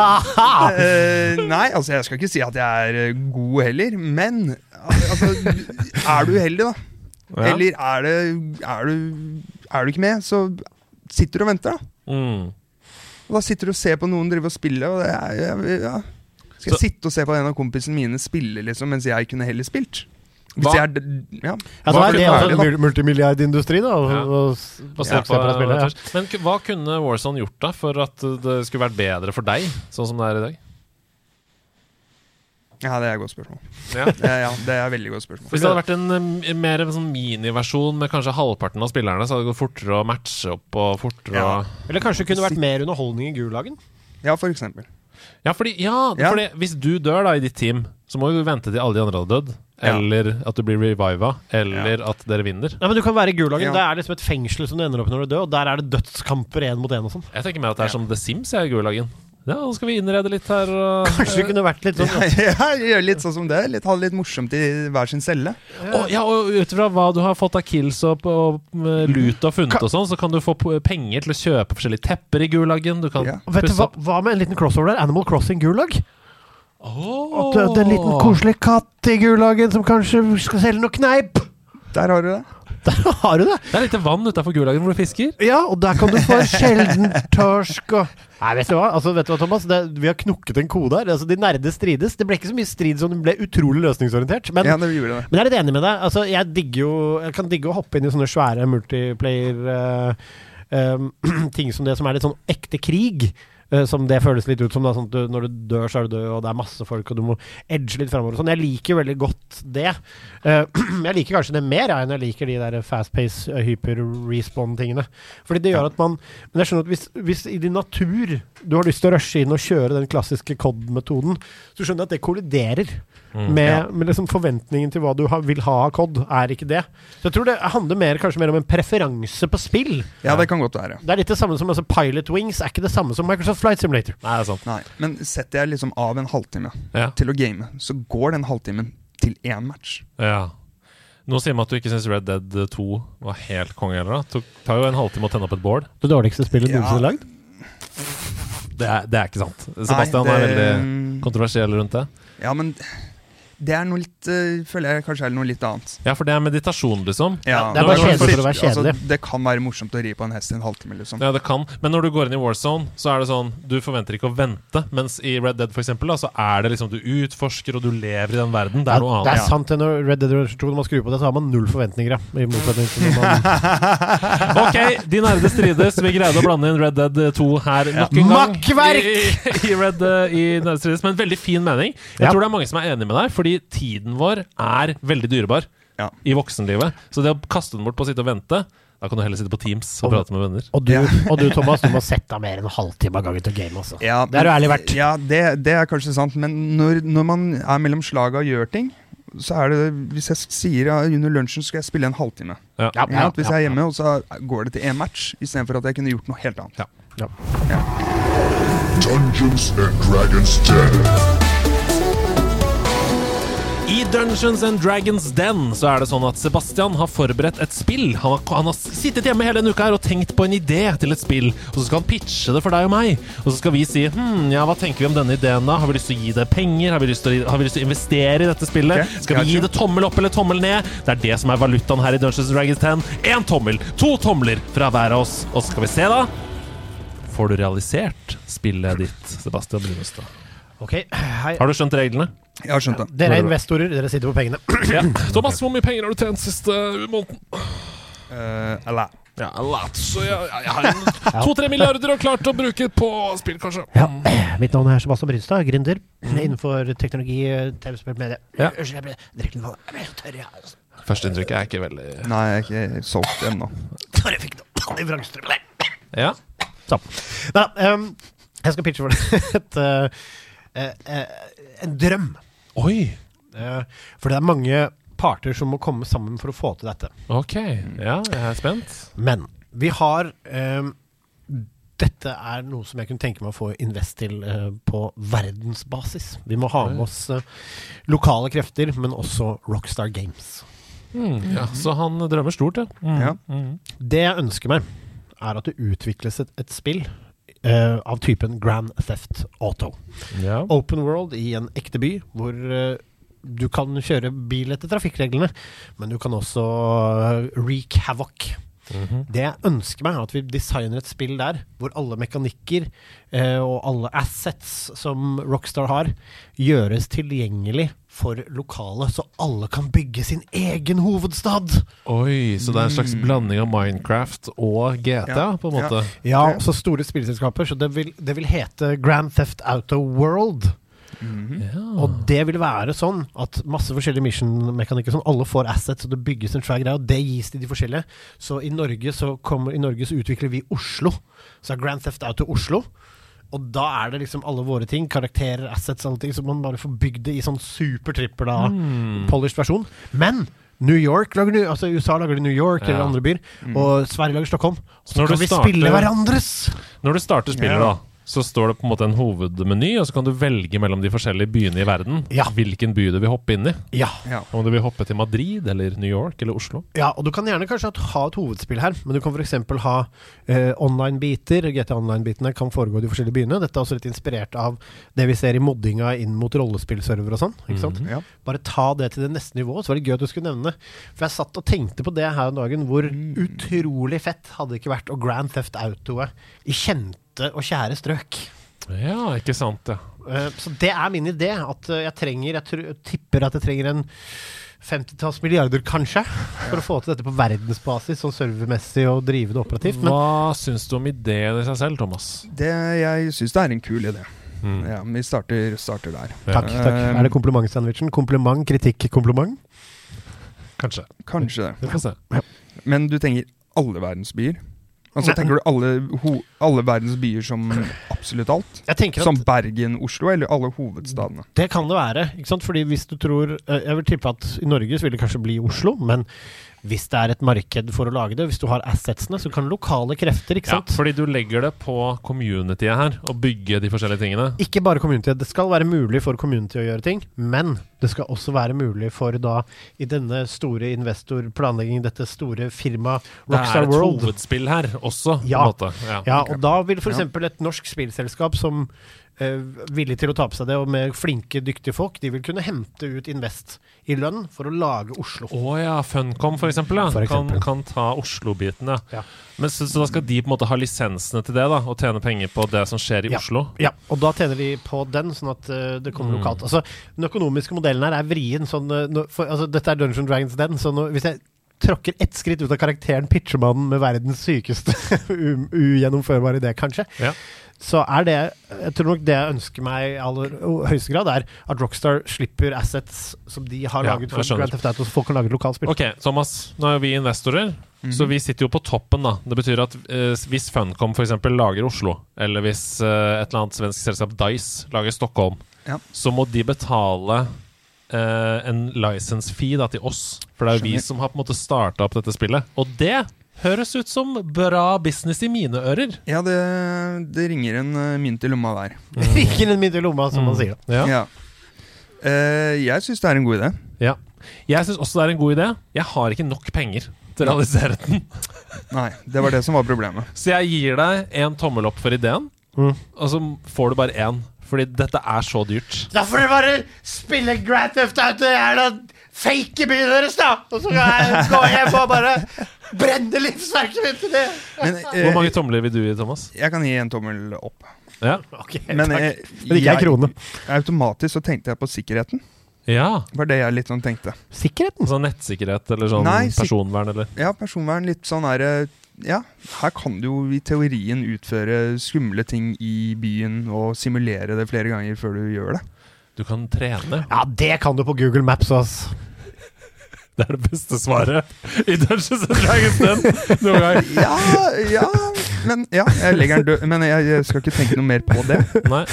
Uh, men det hadde vært kult å besøke leiligheten min og blåse blåst den opp og gjort greier, da. Ja, altså det, jeg har bare lyst til å kjøpe ja, Ja. jeg på å ikke si noe som høres terroristaktig Ja, nei, jeg skjønner hva du mener, men da har vi altså to av fire potensielle tomler, tomler på Grand Theft Auto World. Ja. Og det handler om realisme i gjennomføring, Mm. for, for min del. Men drømmen, nok. men drømmen Dere hadde spilt det. Drømmen er knakende god. Ja, jeg hadde spilt det, ja.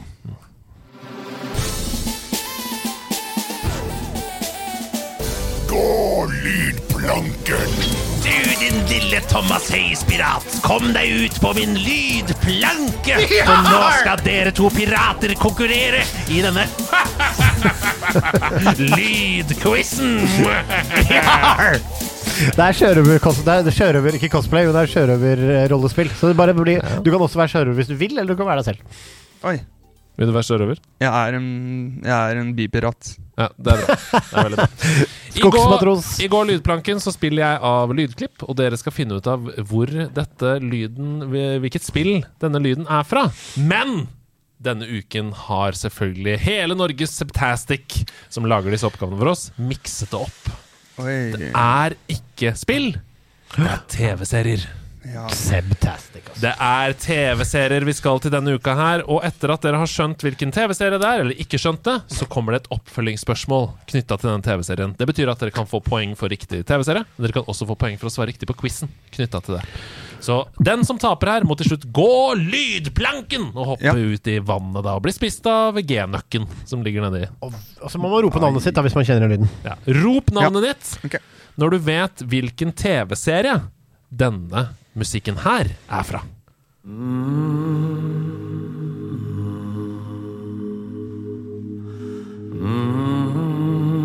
Sånn, sånn! Dette er Game of Thrones. Det er Game of Thrones! Han tok det på Ja, jeg, jeg hang er- ikke med. Jeg var på Vikings eller noe. Oh, ja, men det er ikke så dumt, da. det det tenkte jeg først også. Game of Thrones. Der altså dette er låta 'Throne for the Game'. Som er. Catchy og kreativ tittel der, altså. Det er dårlig oppfinnsomhet, ass. ja, da har vi TV-serien uh, The Larsens, og her er uh, sånn, sangen 'Sons of Lars'. Ok, um, Her kommer oppfølgingsspørsmålet, og her vil jeg at dere skal bestemme dere for et svar. Altså ikke rop navnet deres, men bestem dere for et svar, og så sier jeg sånn Ja, hva har du svart? Ja, hva har du svart? Ikke sant? Så her er spørsmålet. Hva heter hovedstaden i Westeros? Hva heter hovedstaden i Westeros, altså dette landet vi befinner oss i i Game of Thrones? Eh, ja. Ja. Har, dere har bestemt dere nå? Ja. Da tar vi først Thomas. Hva har du svart? Kings Landing. Ja Kings Landing. Ja. Bra! Det er ett poeng til begge. Det betyr at det er 2-1 til Sebastian idet vi skal over i oppgave to denne uka her. Hvor er denne musikken her hentet fra?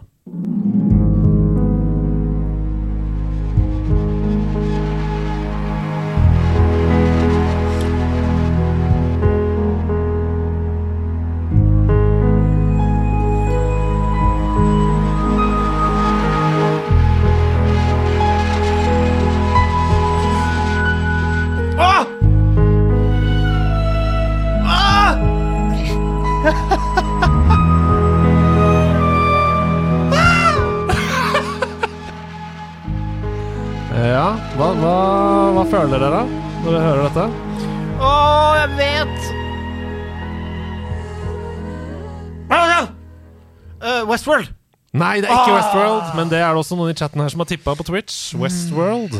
Jeg er blank. Du har lyst til å tippe blank. Det er ikke den serien. Nei, det er ikke den her. Shit. Uh, Få høre litt til. Litt rann til. Du får fem sekunder til.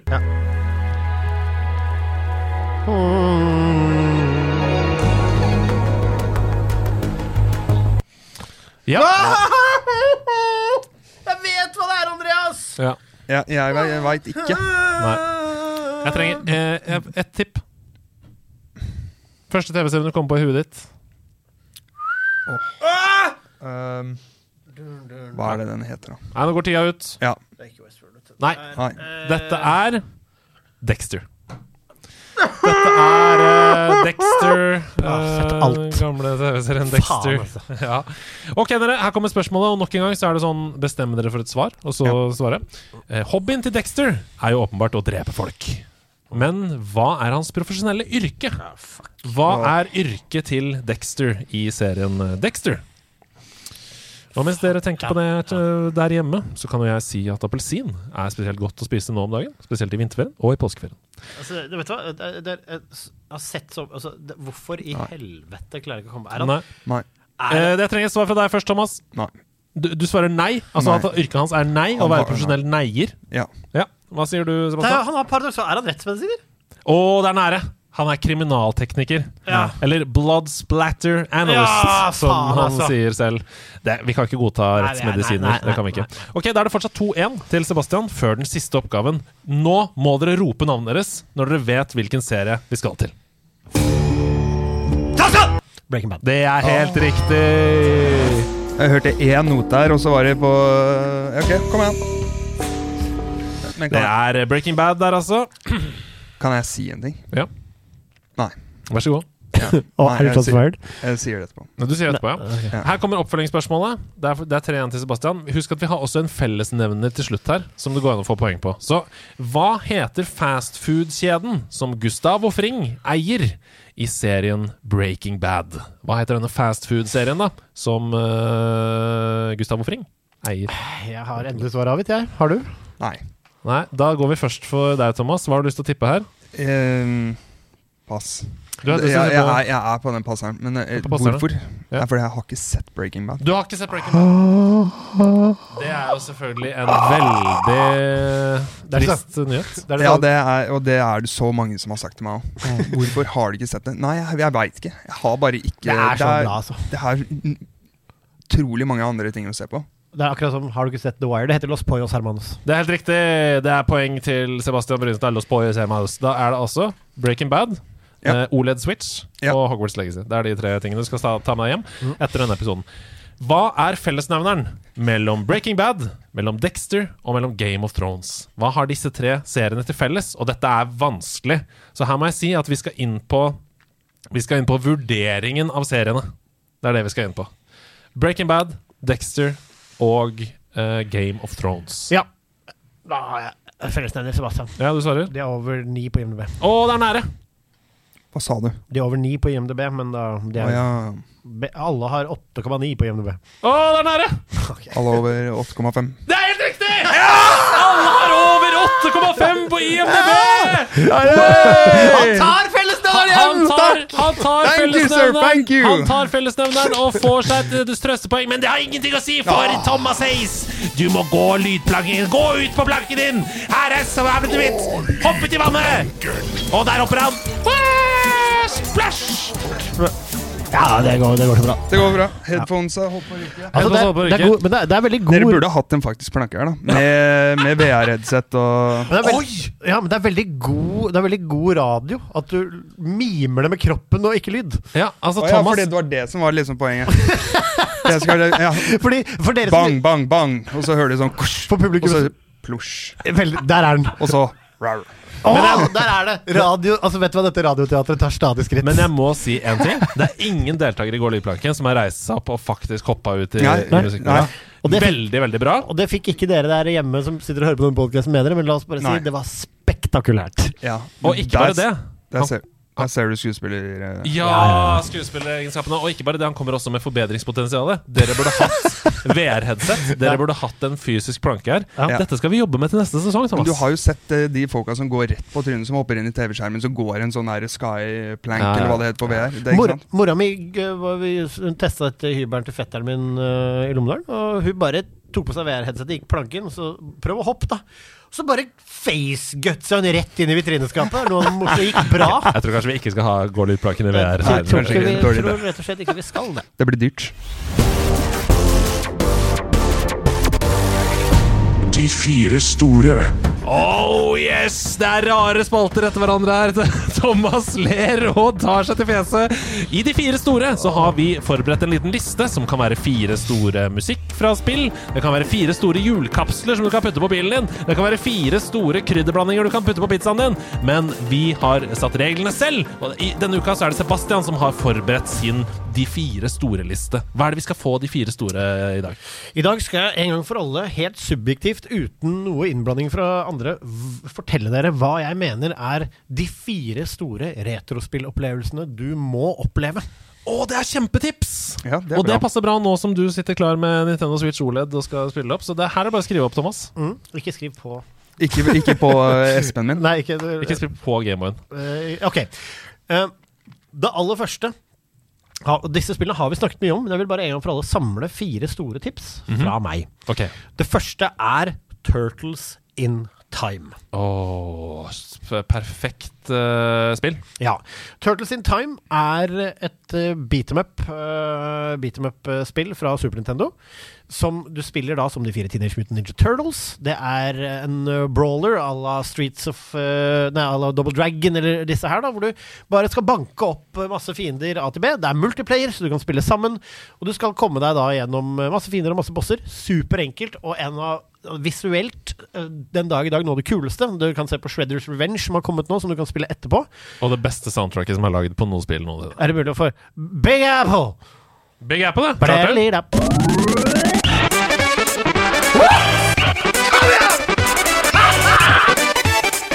Å, det er så banger, ass!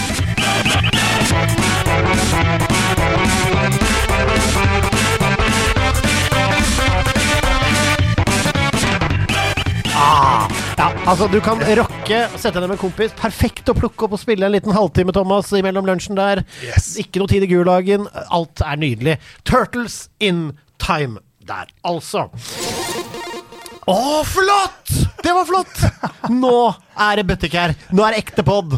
Nå var det som bare på radioen igjen! Ja. Fytti kattepusen! Så koselig!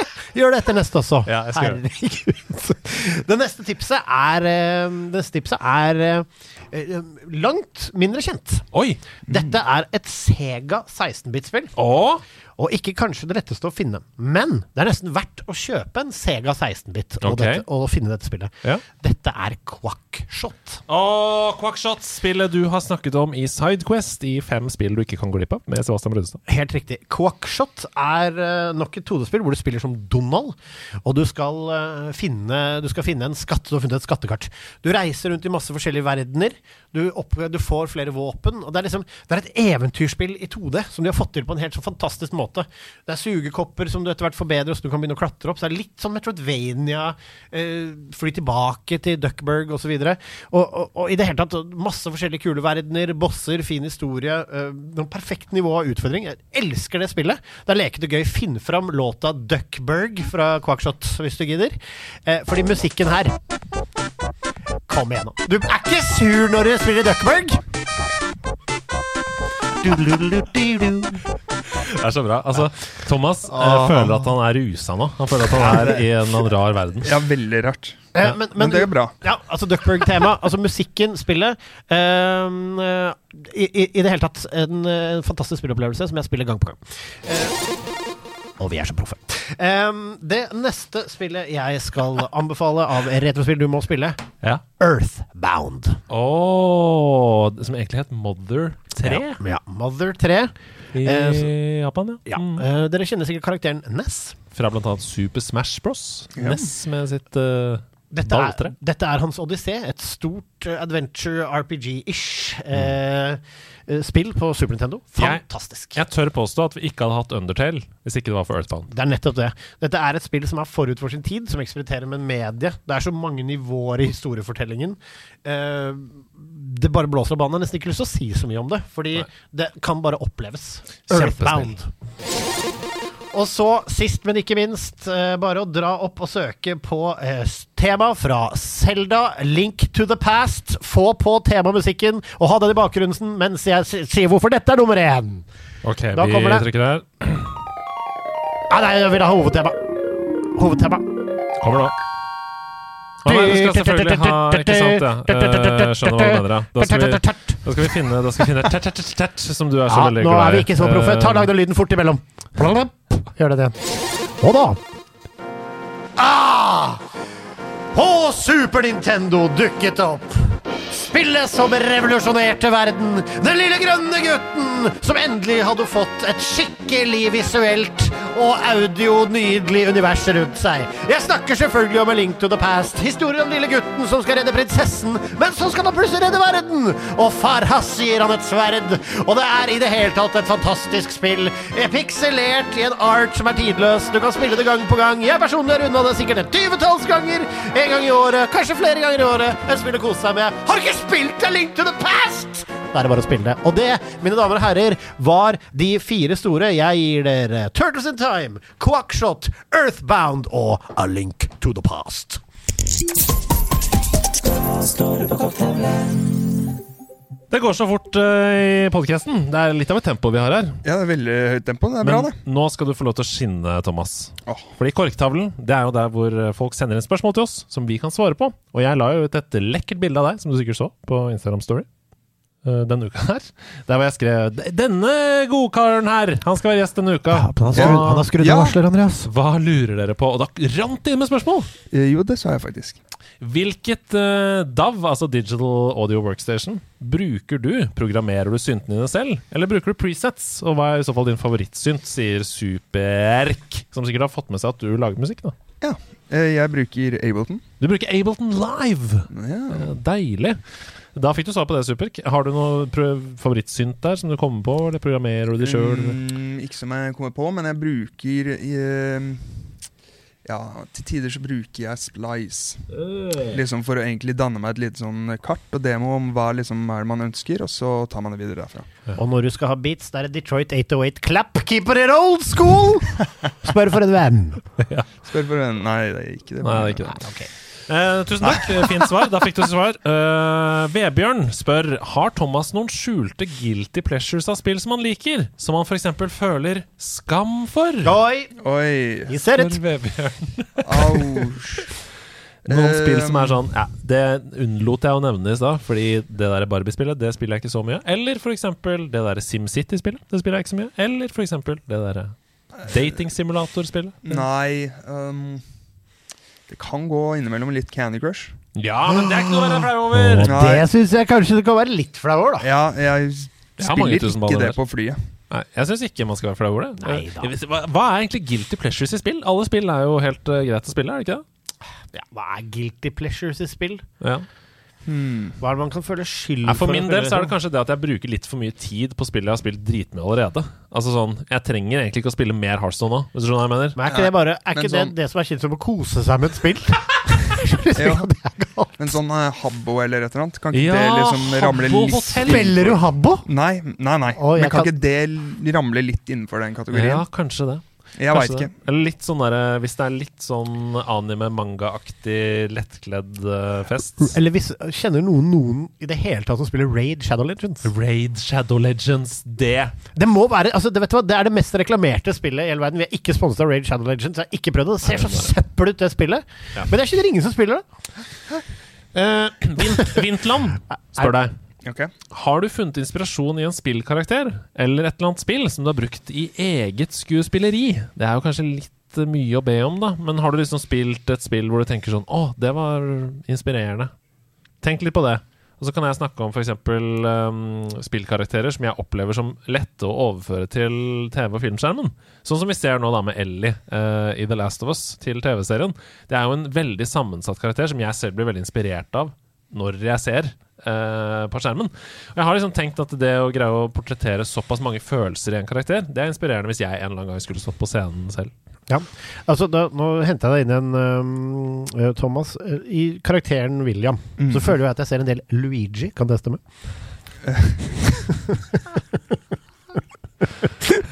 Her William er jo alfaen i gjengen. Luigi Ja, er jo på ingen slags alfaen. når måte Luigi får den derre litt sånn den icy sted Eller kanskje Ja. ja. Nei, Mm, eh, ja, jeg skjønner hva du mener, men nei, jeg har ikke det, dessverre. William er jo Geralt fra The Witcher. Altså, han er jo Ja. alfaen i gjengen. Roach. Ja. Ja. Nei, jeg har ikke hentet noe inspirasjon tilbake til spørsmålet. Nei. Nei, nei, nei. nei, men da fikk vi i hvert fall snakka litt om det uansett. Svaret på det er altså nei. nei. Sinfor han spør plattformspill pleier normalt å være gode spill. Men har dere spilt dårlige plattformspill før? Er det noen eh, av den typen spill som dere har spilt? Eh, hva heter han forferdelige duden med teip over eh, munnen? Abe. Det nyeste Abe-spillet Ah, fytti salte og dårlig, Det er så dårlig! Oddworld, nyeste Ja, Oddworld. det nyeste Oddworld-spillet! Ja, vet du hva? Vi gledet oss til det, Andreas. Ja, vi det var det! gratis på PlayStation Plus. Og det var sånn, det kommer Odd- Odd- Oddworld, de første, var fantastiske. Eh, og så kommer dette her. For et forferdelig makkverk! Ikke, hvis du er glad i plattformspill, ikke rør det med ildtang. Ja, vet du hva? Det var et godt eksempel. Det kan, det kan stå som eksempel. Det finnes masse gamle spill også som eh, Altså, straks et plattformspill blir det minste unøyaktig, Ja. så er det umulig. ja, ikke sant? For eksempel uh, sklibanene i Rayman. Du, du, du, når du sklir rundt på isen der. Ja. Um, Men det igjen, det er et presist spill, så det er det er helt sant, mulig er å bli sant. veldig god i det. Sånn, sånn at, ja, det er bare vanskelig. Ja. Og jeg liker vanskelig. ja, ja. Men jeg hater når det blir klippete og unfair. Det er vanskelig å se. Og jeg tror nok det er en del sånne 3D-plattformer. Hva het det ene ja, Nå kommer jeg ikke på det, men jeg tror det Vi, sier, vi sier Oddworld for nå, men det er mange flere. Altså. Ikke noe fra deg på plattformspill. Um, dette kan du svare på. Jeg tror kanskje du har svart allerede. Jeg er litt uh, usikker. Hva er deres aller største favorittspill gjennom tidene? Uh, og dersom det er et eldre spill fra barndommen, liksom, har det holdt seg? Tror dere? Eller har dere fått et nytt uh, favorittspill med tiden? Hvis du skal liksom trekke fram ditt aller største spill, Oi. favorittspill Det er vanskelig, for det er mange. Ja, det er vanskelig, det. altså. Men uh, jeg tror Det er så mye forskjellig, ikke sant. Det er det som gjør Ja. det vanskelig. Det, er- det er vanskelig. Jeg kan si hva jeg har, da. Jeg har jo Det er egentlig Elden Ring nå, Mm. fordi Elden Ring er laget for meg. Men det, det slår et, ikke Demon Souls, fordi Demon Souls var det første. Ja, og det handler jo også om tidsperioden og det at det var vennegjengen der som satt og Ja. grinda til PlayStation gikk varm. Og det har holdt seg, og ikke bare det. Det har fått en remake til PlayStation 5. Ja. Uh, Som er veldig bra. Som er veldig bra. Og det, er, det startet det, så Demon Souls er mitt favorittspill. Men uh, Elden Ring er på en måte en forlengelse av det, da, og er mitt favorittspill. Så. Ja. Ja. Ja, for meg så er det The Last of Us-trilogien. Jeg har sagt det før. Uh, og før den kom, så var det sannsynligvis Super Mario 3 eller Super Mario World eller et av de skikkelige retrospillene. Uh, men det er, jeg har spilt tusenvis av spill i mitt liv, uh, og jeg syns det er vanskelig å peke på ett som er en favoritt, liksom. Ja. OK. hva var det du endte på? Nei, jeg, tror egentlig Pokémon er det kanskje jeg ender på. det er- Litt sånn sånn hvis det har holdt seg, ja. Ja, ja, ja, ja. Ja. Ja. Jeg ser det er noen på Twitch som skriver 'trilogien', spørsmålstegn. Og det er fordi jeg tenker på The Last of Us, The Last of Us Left Behind, DLC-en, og da The Last of Us Part 2, som da tre spill i seg selv. Ja, det er ikke noe vits å prøve å lære faren sin å ha samkvem, altså. Dette kan Andreas.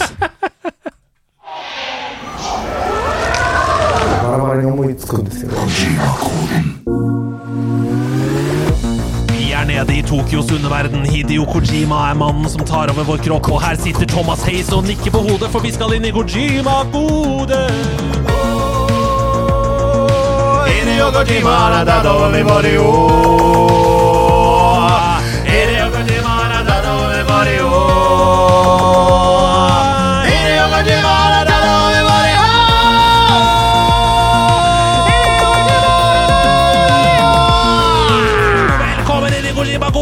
Tusen takk skal du ha!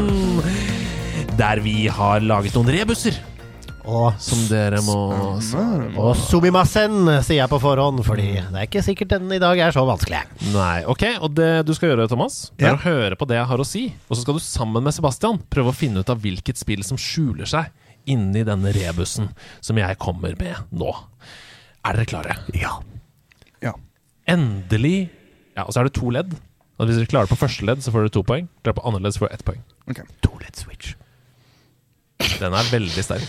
Ja, men Ida er ikke her, så jeg vet ikke. Jeg følte at du måtte ett ord spille inn. Takk. Endelig leve ut drømmen. Jeg òg! Endelig opptre. Få være helt rå. Endelig leve ut drømmen. Jeg òg. Endelig opptre. Få være helt rå. Ok, få være helt rå. Dette må Altså, opptre. Du får opptre selv. Singstar, Ja. rockband, Guitar Hero. Det er spillene hvor du opptrer selv, som Ja. jeg kommer på umiddelbart. Mm. Hva tenker du her? Hmm.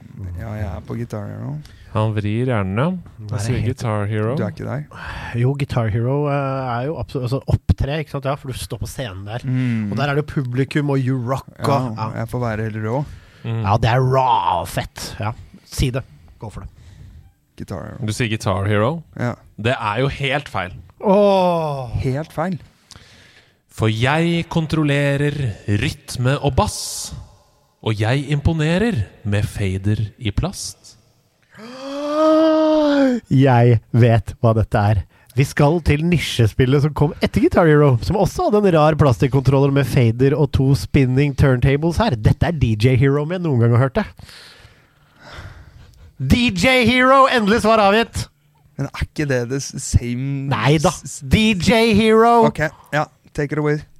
Det er helt riktig! Det er DJ Hero på Nintendo Wii! Er det sant? Ja, men det er jo så close, da. Ja, det er veldig close. Så det er ikke helt feil. Nei, det er det ikke. Men, øh, men har du For jeg, jeg så på et bilde uh, fra leiligheten din hvor du hadde turntables i bakgrunnen. Ja. En sånn koffert som sto på stativ. Yes. Har du liksom Har du DJ og holdt på? Ja. Det er jo helt rått. Det var derfor jeg tenkte sånn Kanskje han har et forhold til DJ Hero-spillet? Nei, det har jeg faktisk ikke med Guitar Hero. Ja. Ja, ok, Har du en Kojima-kode til oss, Sebastian? Om jeg har. Da er det siste som skjer i dag, er at vi skal prøve å løse Sebastians Kojima-kode. Er dere klare? Ja, vi er klare. Okay. En moderne indie-perle. Vanskelig og svår. Hopp unna farer med kjøttet som går. Ok, jeg vet hva det er. Vet du hva det er? Ja. Hvordan er det mulig? Vi har spilt altfor mye spill. Ja, ikke Eh, sant?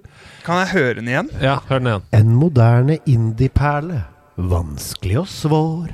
Hopp unna farer med kjøttet som går. Dette er, Vi har snakka mye om plattformspill i dag. Mm. Og dette er et sånt et. Med sagblader som du holder på å bli drept av i jakten på Bandage Girl.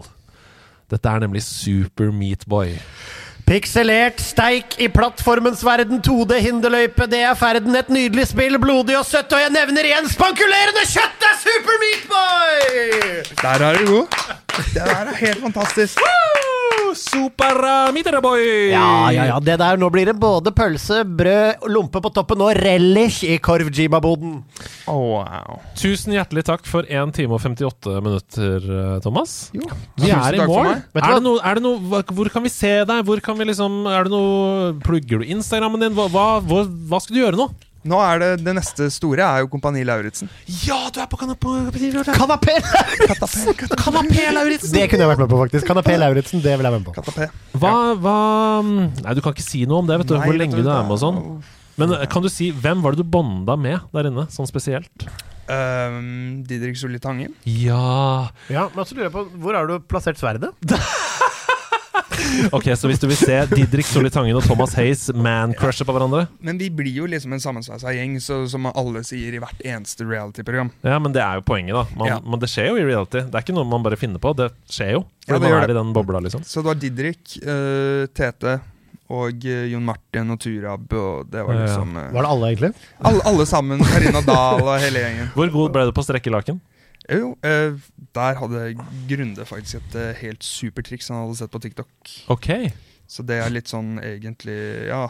Var det å gjøre det grundig, bare? Altså, Det var bare ja, ta dette lakenet og knyte på hver side. Så oh, ja. var det gjort, og så var det bare å stryke henda over og dytte det litt ned. Så var det gjort. Så det var litt juks, kanskje? Er, Nei, er det det er- Nei, jeg syns ikke det er juks. Det er ikke jukse å være fingernem. Jeg var jo i kompani Det ordentlige militæret, så jeg Ja. kjenner trikset. Ja. Ja. Veldig koselig å ha på besøk. Er det noe du har lyst til å legge til til slutt? Takk for meg. Det var spennende, det var moro. Og så takk for alle tips, ikke minst. eh, om Ja, kortet mitt går varmt etterpå. Det gjør det sikkert.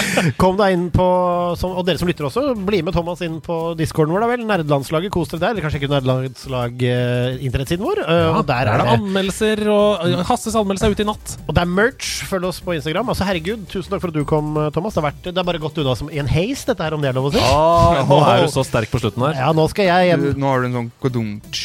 Ja, nesten. Vi har, vi har nesten. Okay, Det er det nærmeste vi Jeg liker de korte, korte latterne. Men eh, lykke til hjem til Cattestock. Og Jo, så håper jeg du finner den tribal uh, S-pen i leiebilen. Ja. Kjøtt! Kjøttegård!